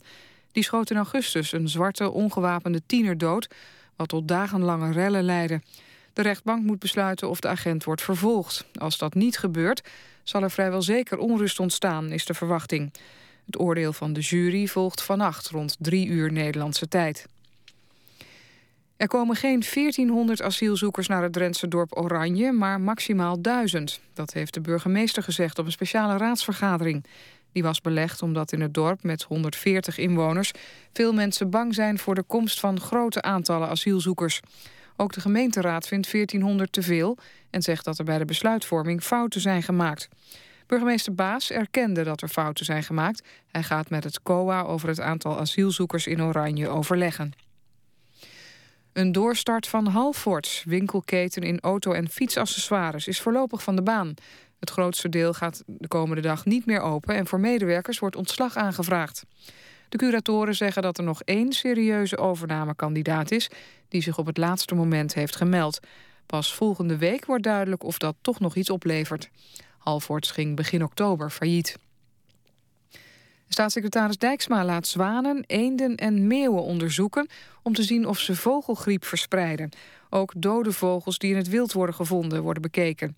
Verder komt er een beschrijving van welke wilde vogels er leven... in de omgeving van besmette bedrijven. Mogelijk zijn er overeenkomsten met de besmette gebieden in Duitsland en Groot-Brittannië.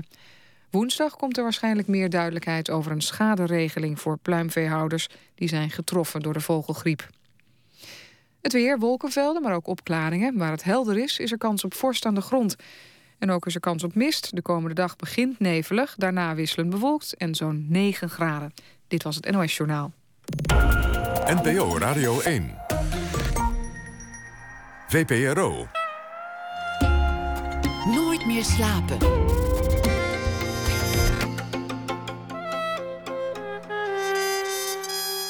met Pieter van der Wielen.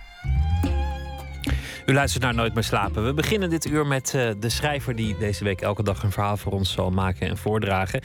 Erik Jan Harmens is dat. Debuteerde in 2003 als dichter. Vier jaar later uh, schreef hij zijn eerste roman. Zijn laatste twee publicaties zijn De man die in zijn eentje de Olympische Spelen organiseerde uit 2012 en de dichtbundel Open Mond uit 2013. Nieuw boek komt eraan, uh, begin volgend jaar Hallo Muur, waarin een man praat tegen een muur over de jaren die hij achter zich heeft gelaten. Erik Jan, goeienacht. Goeienacht, Pieter. Elke dag een verhaal op basis van de voorbije dag. Um, ja, wat, wat heeft je vandaag uh, bezig gehouden? Um, nou, ik, ik, zie eigenlijk steeds vaker op um, websites filmpjes uh, die ter beschikking worden gesteld aan lezers... waarbij een waarschuwing staat dat de beelden die je daar te zien krijgt zeer schokkend zijn. En uh, dat viel me eigenlijk ontzettend op, want het, uh, de natuurlijke reactie van heel veel mensen, waaronder mij, is dan uh, dat je dan uh, toch gaat klikken, zeg maar. En dat is eigenlijk heel raar. Er staat eigenlijk niet klikken en dan ga je wel klikken en daarna denk je, had ik maar niet geklikt. En dat fenomeen heb ik geprobeerd te beschrijven. Juist, dat is ook zeer actueel, omdat dat er bijvoorbeeld onthoofdingen circuleren. Nou, dat wil je echt niet zien, maar nee, dat, nee. dat kan toch zomaar via ja, allerlei kanalen. Ja, van, van iemand die was ver, verbrand of zo en dan laat ze daar een beeld van zien God mag weten waarom. Ik heb daar dus niet op geklikt dit keer, dus ik ben best tevreden over mezelf. Maar het is toch eigenlijk uh, heel maf dat je dat soort beelden gewoon allemaal binnen kan krijgen. En uh, vooral die waarschuwing intrigeert, maar niet klikken. En dan toch klikken. Ja, het, de kunst van het digitaal wegkijken, daar gaat het over. ja. Het heet, zal ik het voorlezen? Ja, ga je gang. Het heet Schokkend. Ik heb geleerd dat als een website linkt naar een filmfragment en dan met dikke vette letters waarschuwt, let op, zeer schokkende beelden, dat je dan niet op de link naar het filmfragment moet klikken. Ik heb dat natuurlijk een keer wel gedaan en toen zag ik iets wat ik hier niet zal herhalen, anders kunt u net zo goed het zeer schokkende beeldfragment zelf gaan bekijken. De vraag was hoe ik het zeer schokkende beeldfragment nu weer uit mijn hoofd moest zien te krijgen.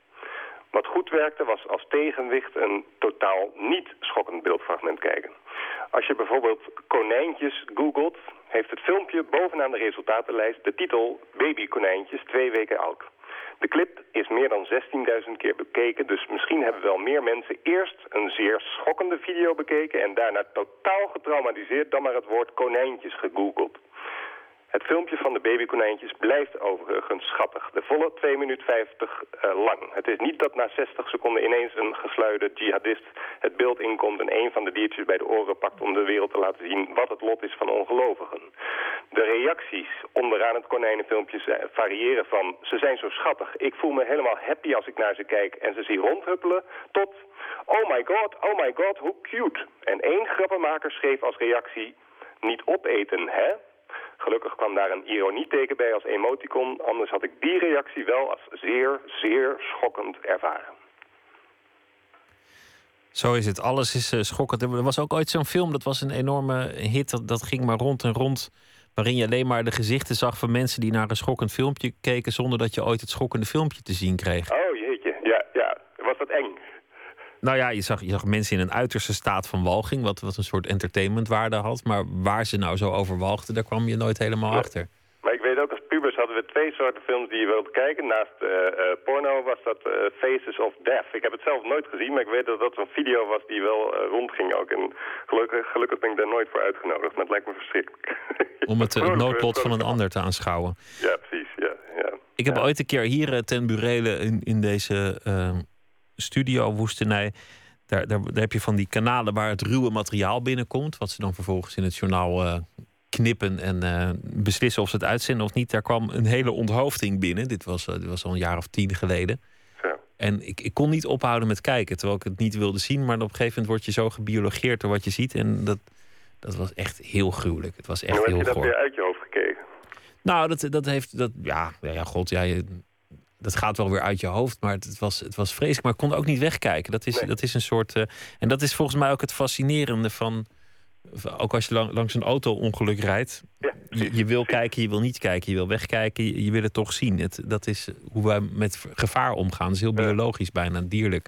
Ja, precies. Maar het is niet dat je, de, de- het is niet alleen maar zeg maar eh, dat je kikt op het eh, lijden van anderen, maar het is ook een soort magneet. Het is een instinct of zo, denk ik. Ja, je moet het gevaar kennen, daarom moet je er naar kijken. Maar Precies. om het vervolgens rond te sturen en er dan bij te zeggen: pas op, dit is schokkend, dat, dat vind ik gewoon raar gedrag. Ja, precies. Zeer schokkende beelden, zou ik zeggen, zet het er niet op. Ze doen het ook wel eens op tv, hè? Dan zeggen ze met excuses voor de schokkende beelden. Ja, precies. Komt-ie. Komt-ie? Ja, nou ja, Ja. Dat, dat vind ik wel helemaal eh, raar. Dus je Goed. kan ook zeggen, de beelden waren zo schokkend, we zenden ze niet uit. Dat lijkt me heel fijn. Ja, eh, dat is toch, dat is toch volstrekt legitiem. Van, dit, dit wilt u even niet zien, maar neem Nee. van mij aan dat het was heel goor. Wij hebben het gezien. ja, precies. Ja, ja. Goed, morgen weer een eh, verhaal op basis van eh, de dag van morgen. Heb je al enig idee wat je morgen gaat eh, doen? Nee, helemaal niet. Ik ga het helemaal spontaan van het nieuws eh, morgen laten afhangen. Alle kranten lezen, alles eh, Ja, bekijken eh, en beluisteren. En dan, de eh, hele dag mee bezig. Goed, wens je heel veel eh, succes alvast en graag tot morgen. Dankjewel. Dank je, Tot, tot morgen. Erik Jan Harmens. Morgenavond speelt in Paradiso in Amsterdam eh, de New Yorker Sun Little. Eerder werkte die samen met The Roots. Ze staan nu eh, dagelijks bij de Tonight Show met Jimmy Fallon. We gaan luisteren naar een eh, nieuw nummer. Your love will blow me away when my heart aches.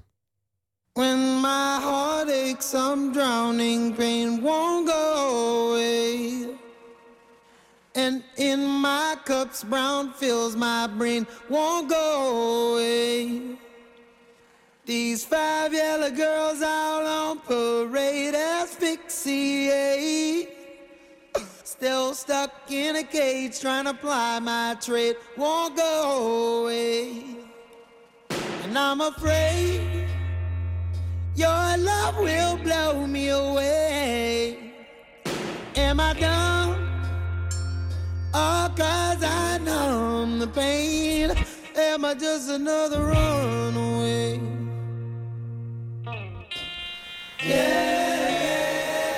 When shadows creep across my floor, won't go away. You've had enough, but still one more won't go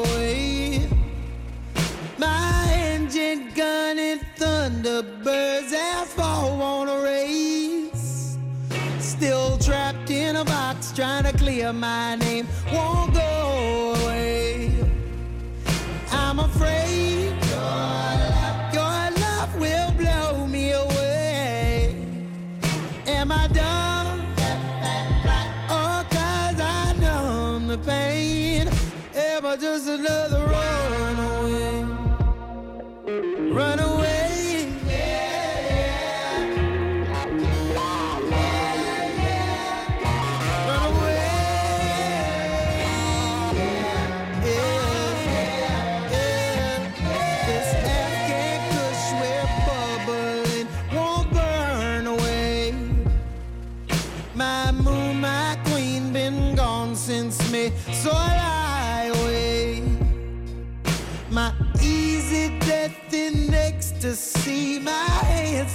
still shake.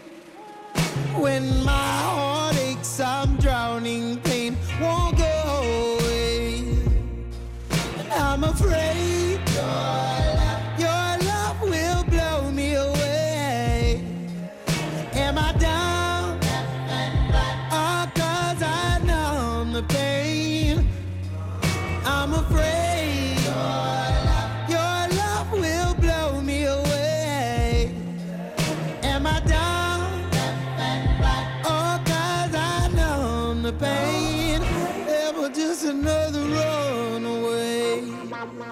Runaway.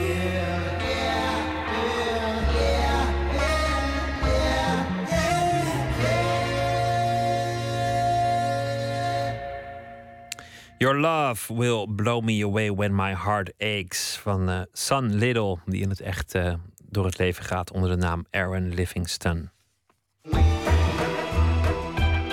Nooit meer slapen. Vamba Sharif en Baba Tarawali zijn twee Nederlandse schrijvers met eh, wortels in West-Afrika. Hun thuislanden zijn Liberia en Sierra Leone, precies de landen waar op dit moment het ebola-virus het hardst toeslaat. Vamba heeft meerdere romans geschreven en gepubliceerd in bladen als de Amerikaanse New York Times en het Franse L'Express. Baba is vooral bekend als eh, columnist en auteur van het boek De God met de Blauwe Ogen. Onze verslaggever Nicole Terborg zocht ze samen op in Amsterdam.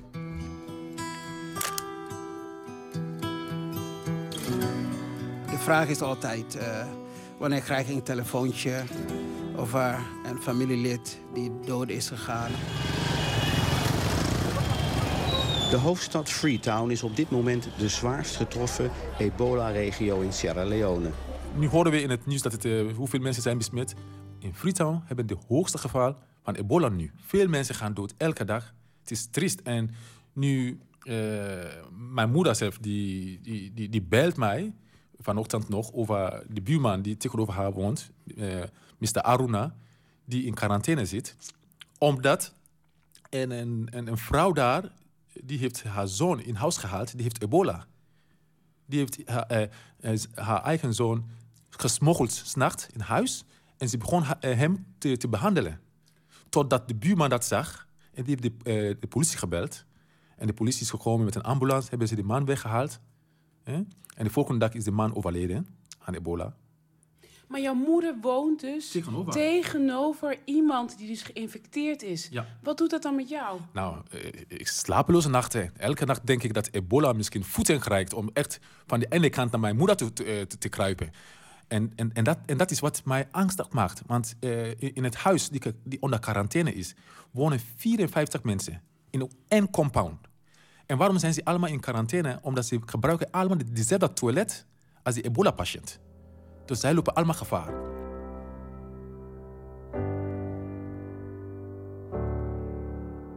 Famba Sharif, een meertalige schrijver van onder andere Het Land van de Vaders en Zwijgplicht.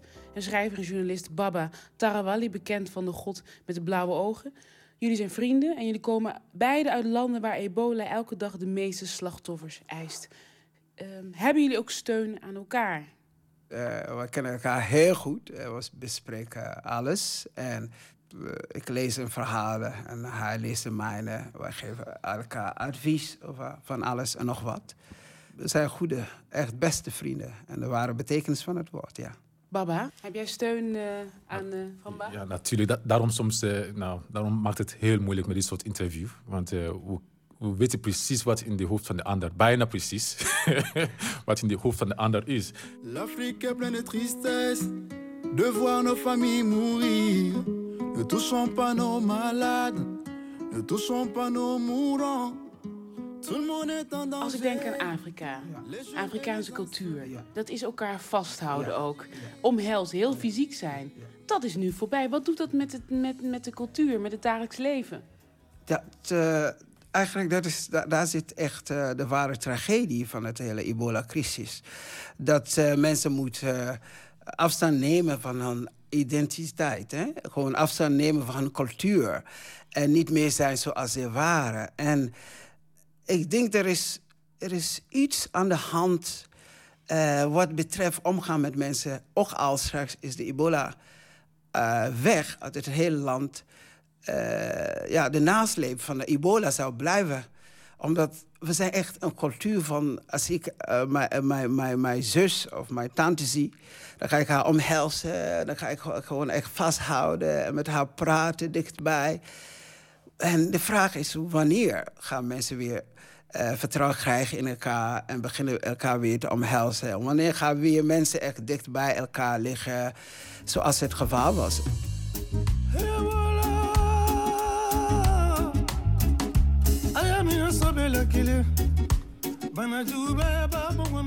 En mijn moeder in de wijk daar, zij is de enige met televisie. Dus elke avond komen alle kinderen bij haar televisie kijken.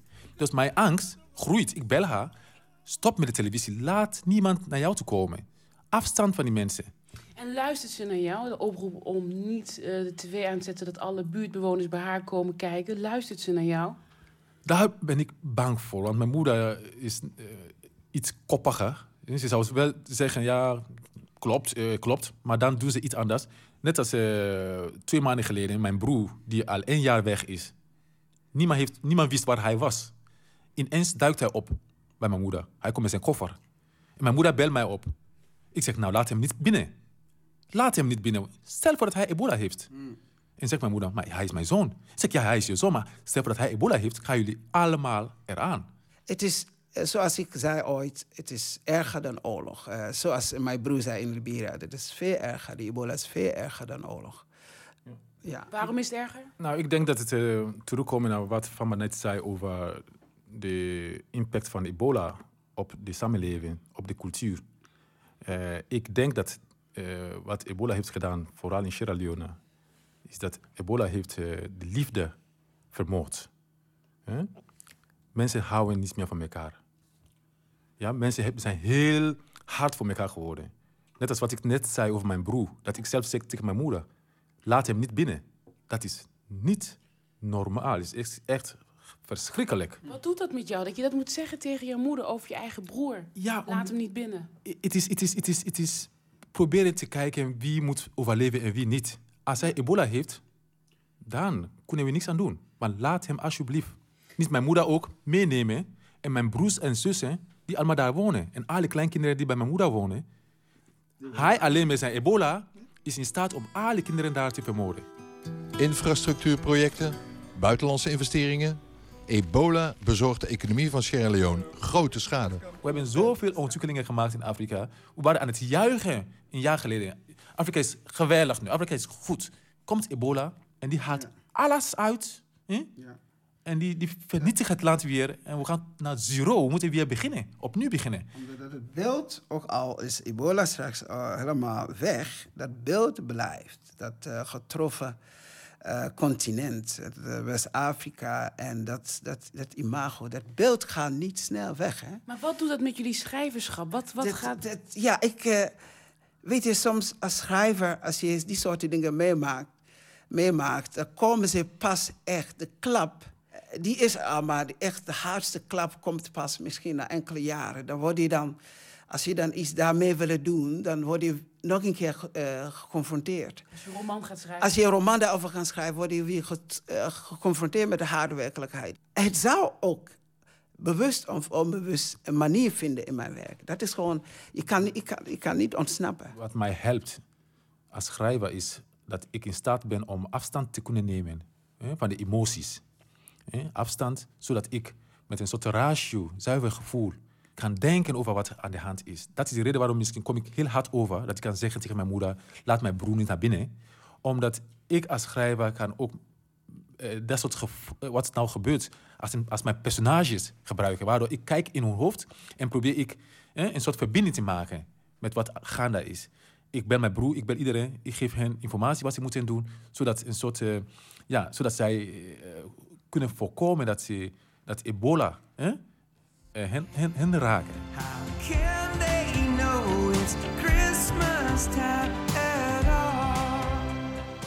Jullie zetten je ook in, bijvoorbeeld voor de landelijke actie, hè, 555, wat binnenkort ook op eh, televisie is. En jullie zamelen allebei ook geld in voor de dorpen die jullie kennen. Hè? Sinds afgelopen week heeft Bob Geldof, net als 30 jaar geleden, weer een nummer uitgebracht. Dit, dit keer gaat de opbrengst niet naar Ethiopië, maar naar eh, bestrijden van eh, ebola.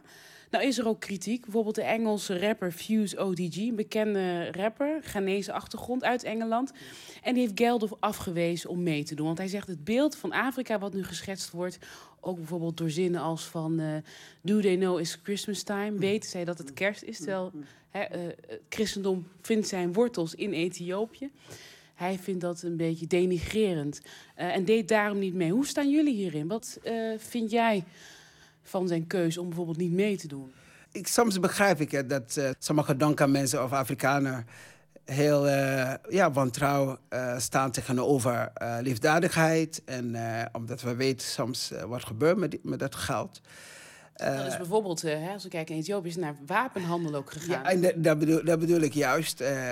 maar als, als er manier zijn om echt oprecht de getroffenen in de ebola-gebied te helpen.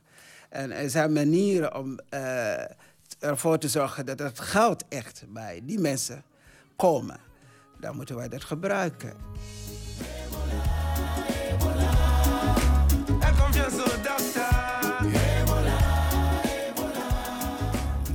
Het liedje die we net gehoord hebben, Afrika Stop Ebola Now.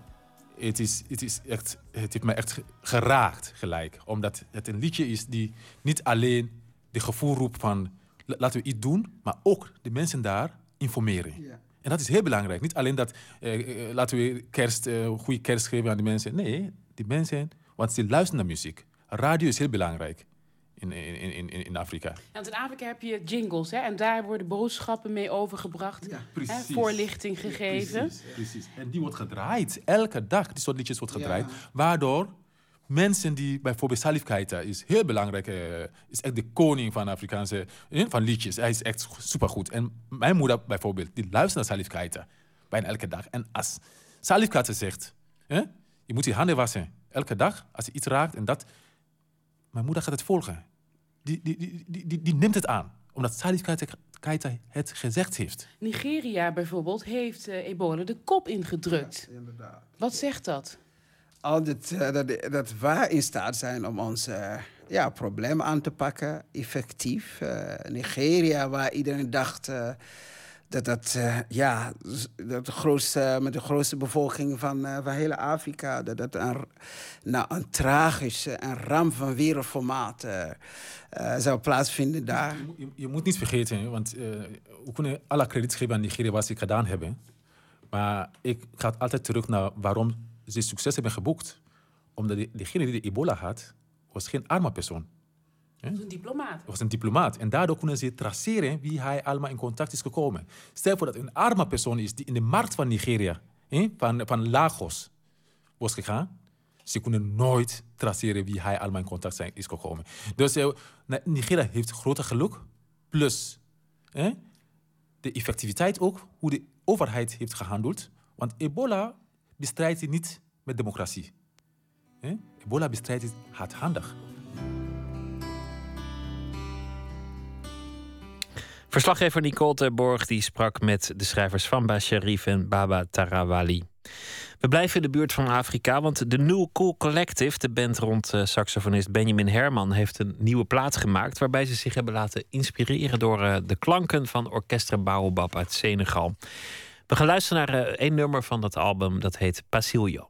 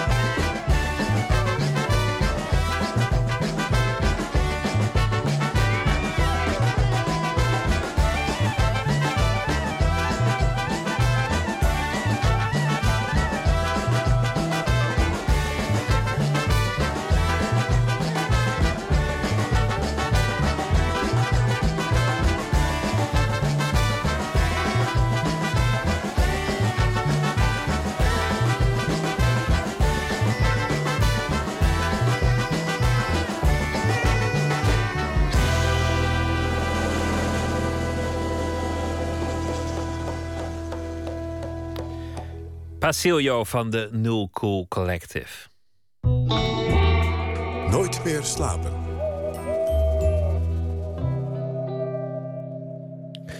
Het uh, wetsvoorstel ligt al in de Kamer. Uh, minister Ascher heeft het daar naartoe gestuurd. De belofte dat de 65-plusser, als hij dat zo graag wil, in dienst mag blijven en niet met pensioen hoeft.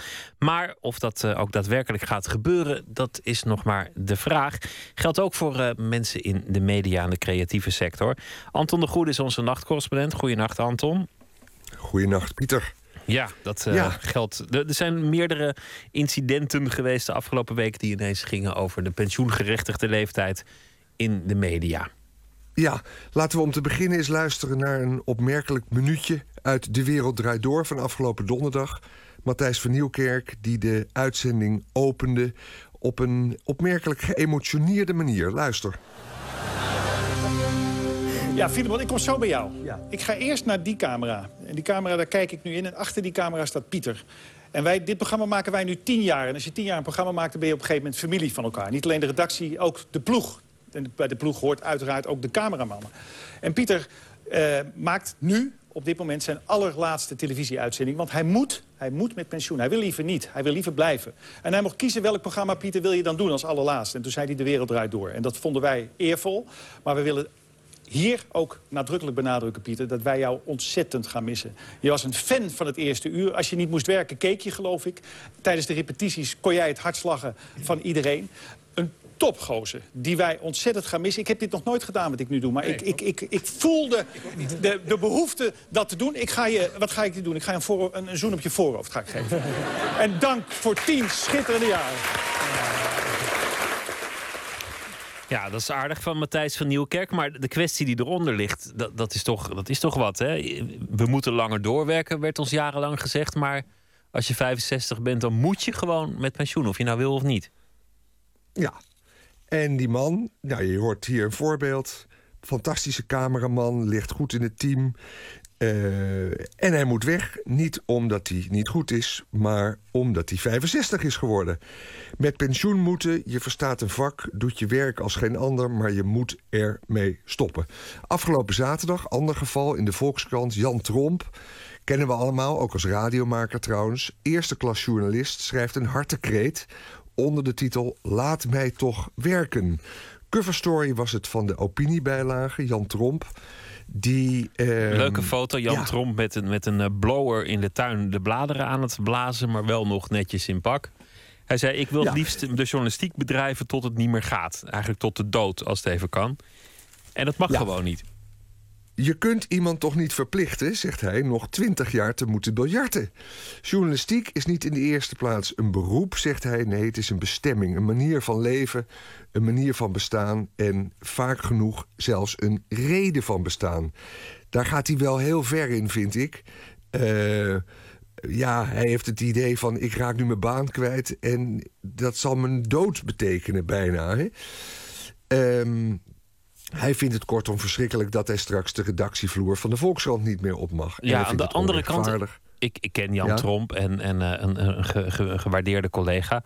Maar er is, er is, ook een generatie die dat leest, die nooit een pensioen zal krijgen. Die, die al maar moet afwachten of dat soort voorzieningen bestaan en of ze niet tot hun 114e door moeten werken, ook al hebben ze jicht, reuma en, en, eh, en een slapbeen.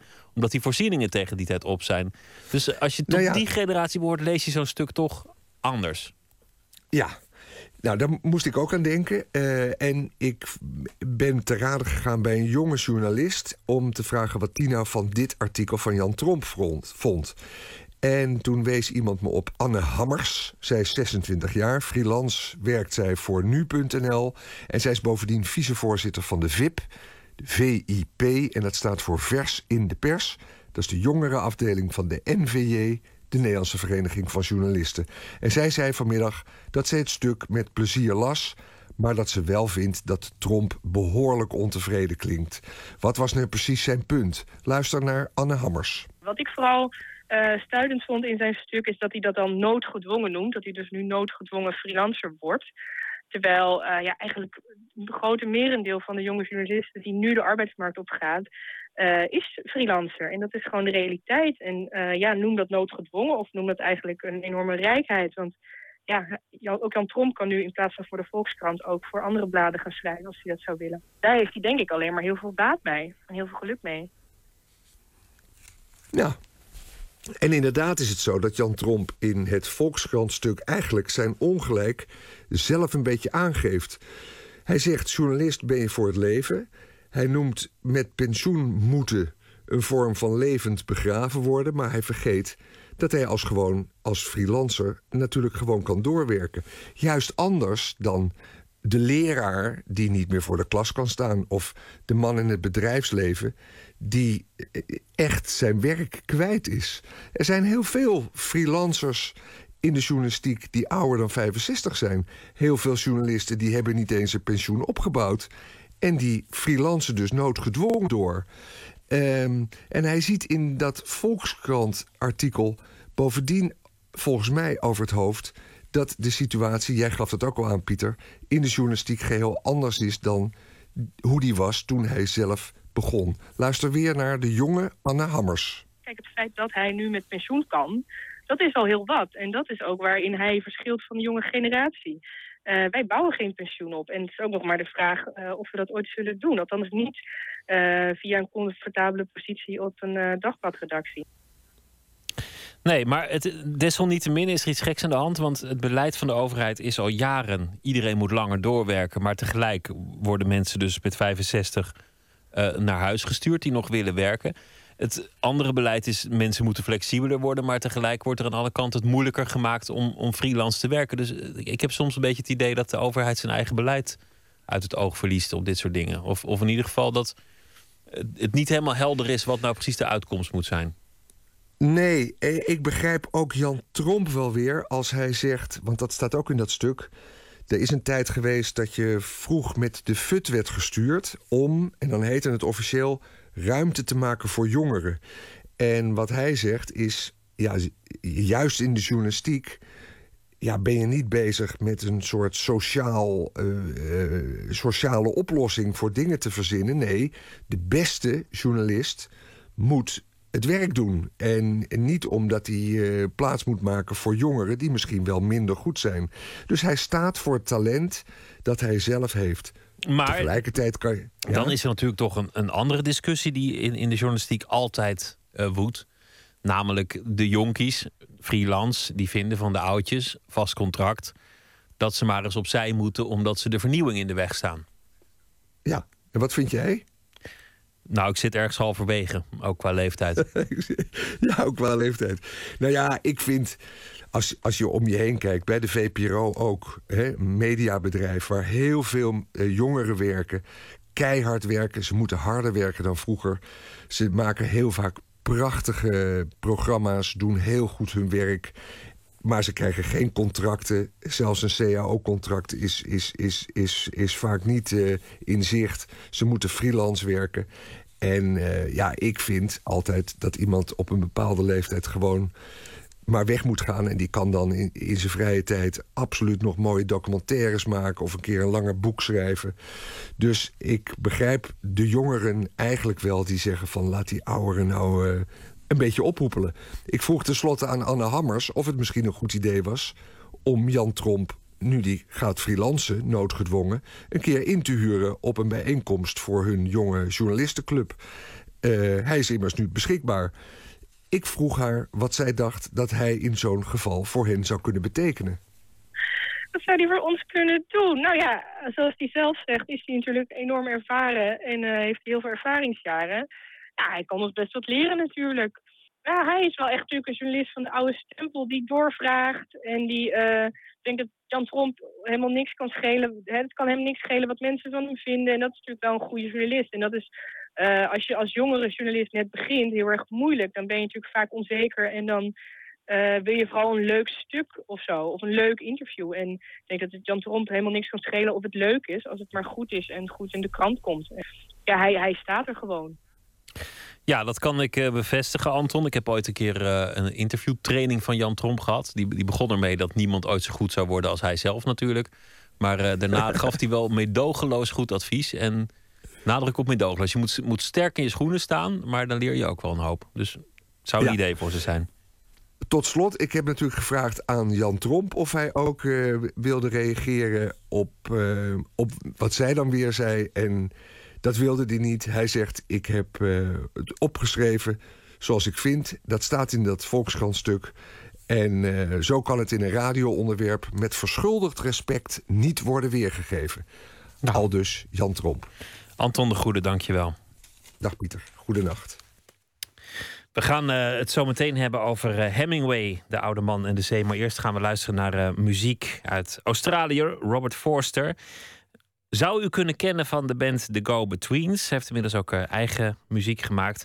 Van zijn debuutalbum uit 1990, het titelnummer Danger in the Past.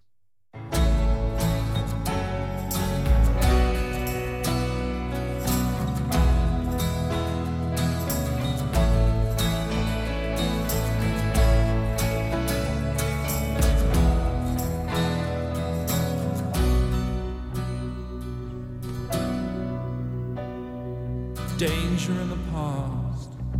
Mm. Danger in the past. Yeah. Your sister picked me up at the station. She told me they'd taken you in. Word was it was just observation.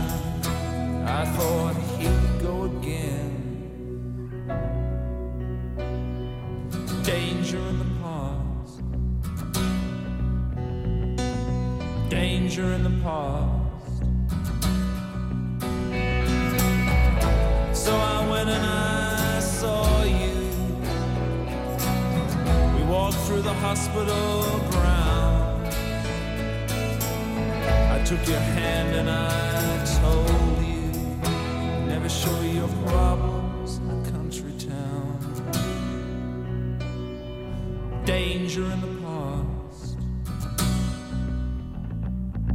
Danger in the past. We had friends. We had friends that didn't make 25. I knew a genius in a bedroom who couldn't walk outside. There had been some tremors in our lives.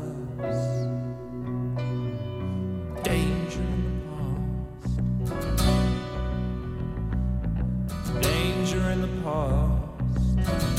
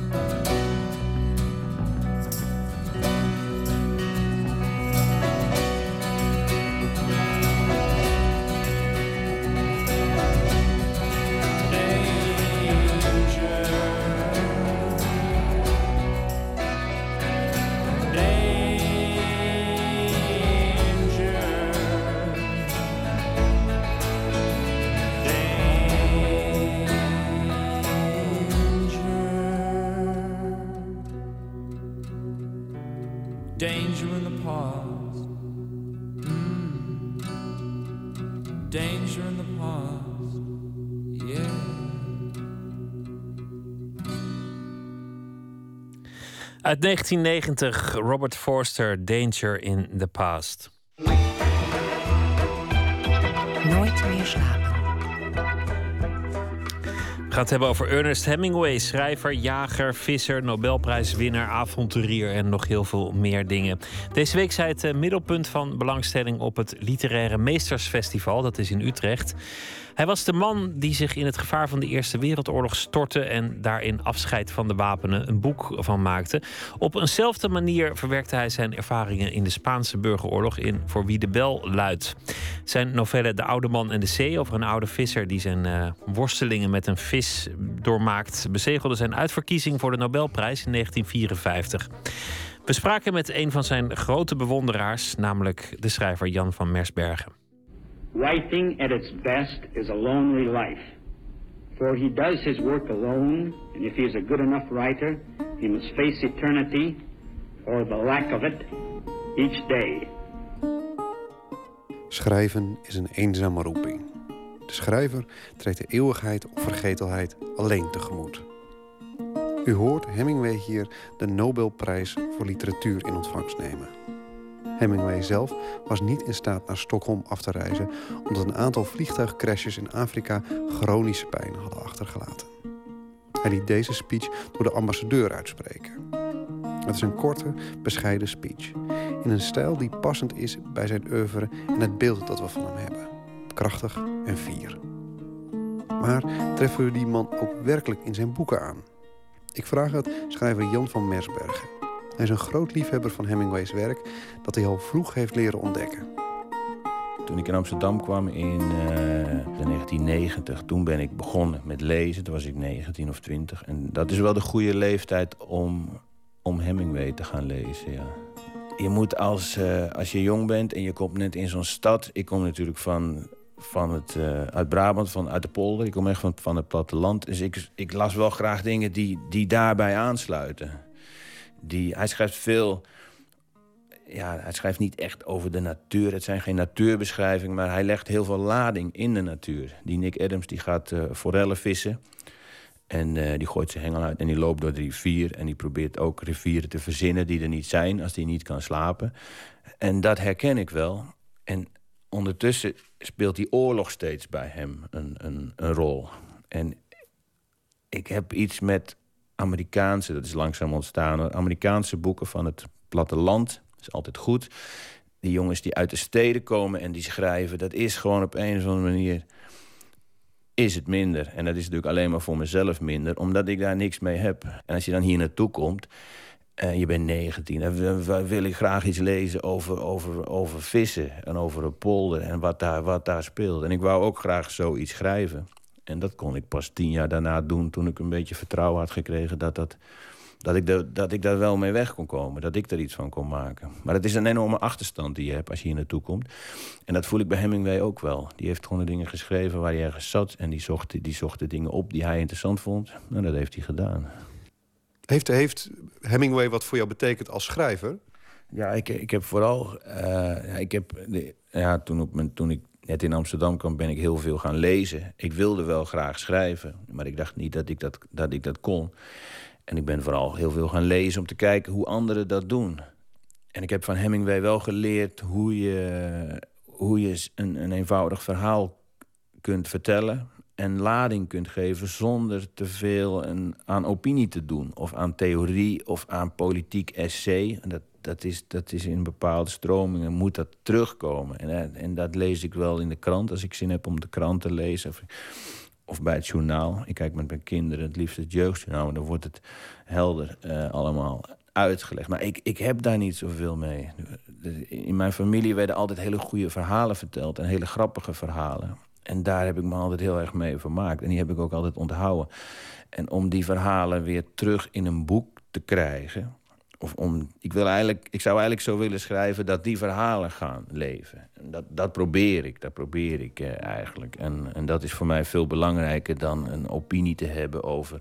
als ik Uel Beck eh, lees, dan daar gaat het over de huidige toestand van de economische markt. Maar ik denk, nee, denk ik, ja, dat, uh, ik heb daar helemaal niks mee. Ik vind die boeken ook vreselijk. Dus, en dat, dat zit in... Heel veel schrijvers die, die doen dat. Die, die, die hebben het... Ik, ja, die denken dat ze daarmee een goede roman maken. Vaak wordt het ook nog postmodernistisch. Dan wordt het gekoppeld aan andere tijden en aan andere stijlen. En Hemingway die schrijft, met, schrijft een verhaal over een man die gaat vissen... en die een vis vangt en die die vis weer verliest. Zo eenvoudig kan het eigenlijk uh, zijn. For a true writer, each book should be a new beginning where he tries again for something that is beyond attainment. He should always try for something that has never been done or that others have tried and failed. Then, sometimes, with good luck, he will succeed.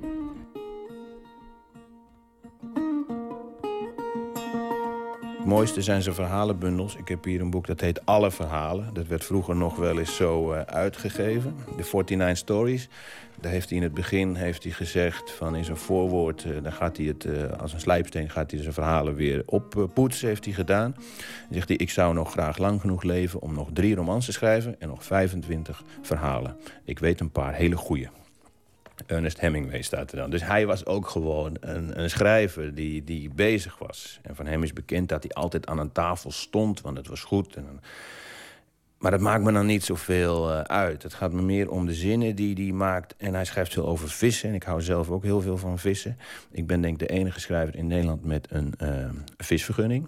Dat moet je natuurlijk hebben als je van vissen houdt. En die wordt ook ieder jaar, ieder jaar wordt die verlengd. Mijn hengel staat hier in de kast. En zijn verhalen over Nick Adams, de jongen die ook in de oorlog zat... en die weer terug is in Amerika met een soort oorlogstrauma... die staan in In Our Time en ook nog in een andere bundel. Uh, ook nog een...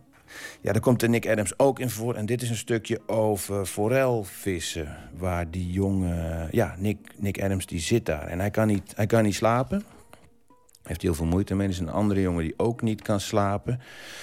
Uh, dan probeert hij aan iets te denken. Zo probeerde ik me de namen van alle dieren op de wereld te herinneren. En dan die van de vogels en van de vissen. En dan van landen en steden en eetwaren. En de namen van al de straten van Chicago die ik mij kon herinneren. En als ik me helemaal niets meer kon herinneren, dan lag ik maar te luisteren. Hij doet drie keer in één zin doet hij het woord herinneren. En er zijn redacteuren die altijd zullen zeggen, dat moet je niet doen. En hij deed dat wel. En dat maakt hem als schrijver heel stevig. Dat vind ik mooi eraan. Zal ik maar gewoon een stukje lezen. Dit is uh, Voor wie de klok luidt. Dat is de vertaling van Voor whom de bel tols. Maar dat is zijn roman over de Spaanse, Spaanse burgeroorlog. Ze zitten met een aantal mensen bij een, uh, bij een brug. Het is een soort, een soort een brug te ver. Maar ze moeten die brug uh, bewaken. En er is steeds de dreiging dat er iets gaat gebeuren. Maar dat gebeurt steeds maar niet. En het is vooral ook de verveling die toeslaat. En er is natuurlijk een Spaanse schone die Maria heet. En daar heeft hij een stuk over geschreven. En dat is, dat is een heel klef stuk. En hij komt er op een of andere manier komt hij ermee weg. En ik probeer er al heel lang achter te komen wat dat, waardoor dat komt. En dat komt natuurlijk door het ritme en doordat die dingen gewoon uh, duidt op het moment dat hij het moet duiden. Soms moet je als schrijver dingen niet duiden. En dat evenwicht, dat, dat, dat doet hij heel mooi. Ik zal een stukje lezen. Het is het begin van hoofdstuk 13 van Voor wie de klok luidt. Ze liepen door de bergwei en Robert Jordan voelde de planten langs zijn benen strijken, voelde het gewicht van het pistool in zijn holster tegen zijn dij, voelde de zon op zijn hoofd, voelde de bries van de sneeuw op de bergtoppen koel tegen zijn rug. En in zijn hand voelde hij die van het meisje, stevig en sterk en de vingers gestrengeld door de zijne. Uit de palm van haar hand tegen de zijne, uit hun ineengestrengelde vingers en uit haar pols tegen de zijne kwam iets dat zo fris was als de eerste lichte lucht die over de zee naar je toestroomt en nauwelijks de glasachtige effen oppervlakte rimpelt. Zo licht als een veertje dat langs je mond strijkt of een vallend blad als er geen wind staat. Zo licht dat het slechts voelbaar was door de aanraking van hun vingers, maar zo versterkt, verhevigd en dringend gemaakt werd, zo pijnlijk en zo sterk door de krachtige druk van hun vingers, handpalm en pols, dat het was alsof zich een stroom door zijn arm bewoog en zijn gehele lichaam met een pijnlijke leegheid van hunkering vervulde. Terwijl de zon scheen op haar haar, goudgeel als graan... en op haar goudbruine, liefgladde gezichtje... en op de buiging van haar hals... duwde hij haar hoofdje achterover, trok haar tegen zich aan en kuste haar. Je kan zelf ook geen lach onderdrukken. Nou, ja, soms niet. Maar het zijn wel hele mooie zinnen met een mooi, met een mooi ritme. En een stukje verderop, dan noemt hij haar... Dan zegt zij, eh, jij ook, ik wil jou ook kussen. En dan zegt hij, nee konijntje. En dat, en dat schrijft hij gewoon op, want dat, dit, dit soort, dit, deze tekst gaat buiten Hemingway's imago om. En daarom lees ik het ook graag. Omdat het niks te maken heeft met hoe hij wat er van hem als schrijver... of eigenlijk als, als auteur, want de auteur is voor mij wat degene is... die niet aan meer aan het schrijven is... maar die zogenaamd op leeuwen aan het jagen was... en op de Kilimanjaro zat en in, voor de stieren uitrende in Pamplona... En, eh, en ondertussen schrijft hij, eh, noemt hij meisjes konijntje in zijn, in, zijn, in zijn teksten. En ik vind dat zoetsappige van Hemingway vind ik, vind ik heel leuk. Vind ik, dat, het, het is heel mooi, maar het is ook heel, ergens is het ook gewoon heel geestig. I have spoken too long for a writer. A writer should write what he has to say and not speak it. Again, I thank you.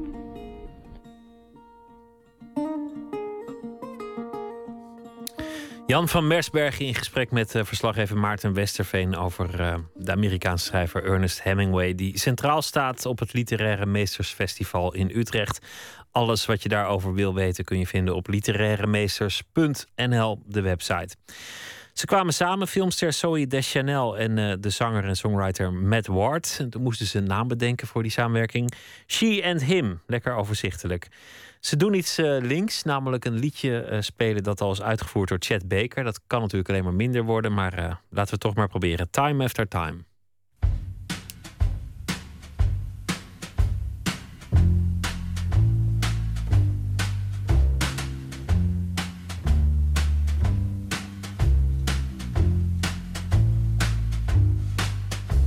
Time after time I tell myself that I'm so lucky to be loving you. So lucky to be the one you run to see in the evening when the day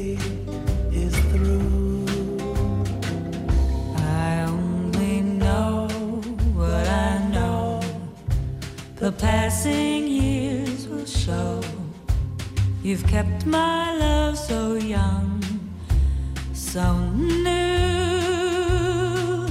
And time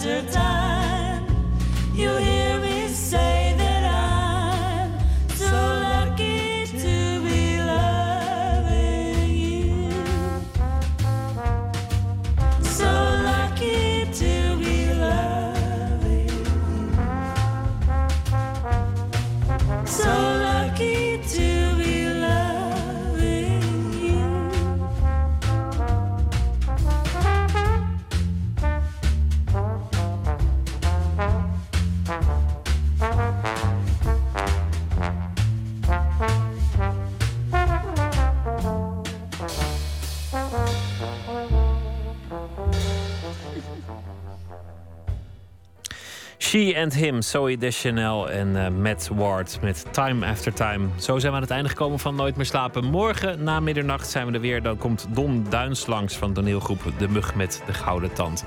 Voor nu wens ik u een hele goede nacht. En straks op deze zender de EO met Dit is de Nacht. Graag weer tot morgen.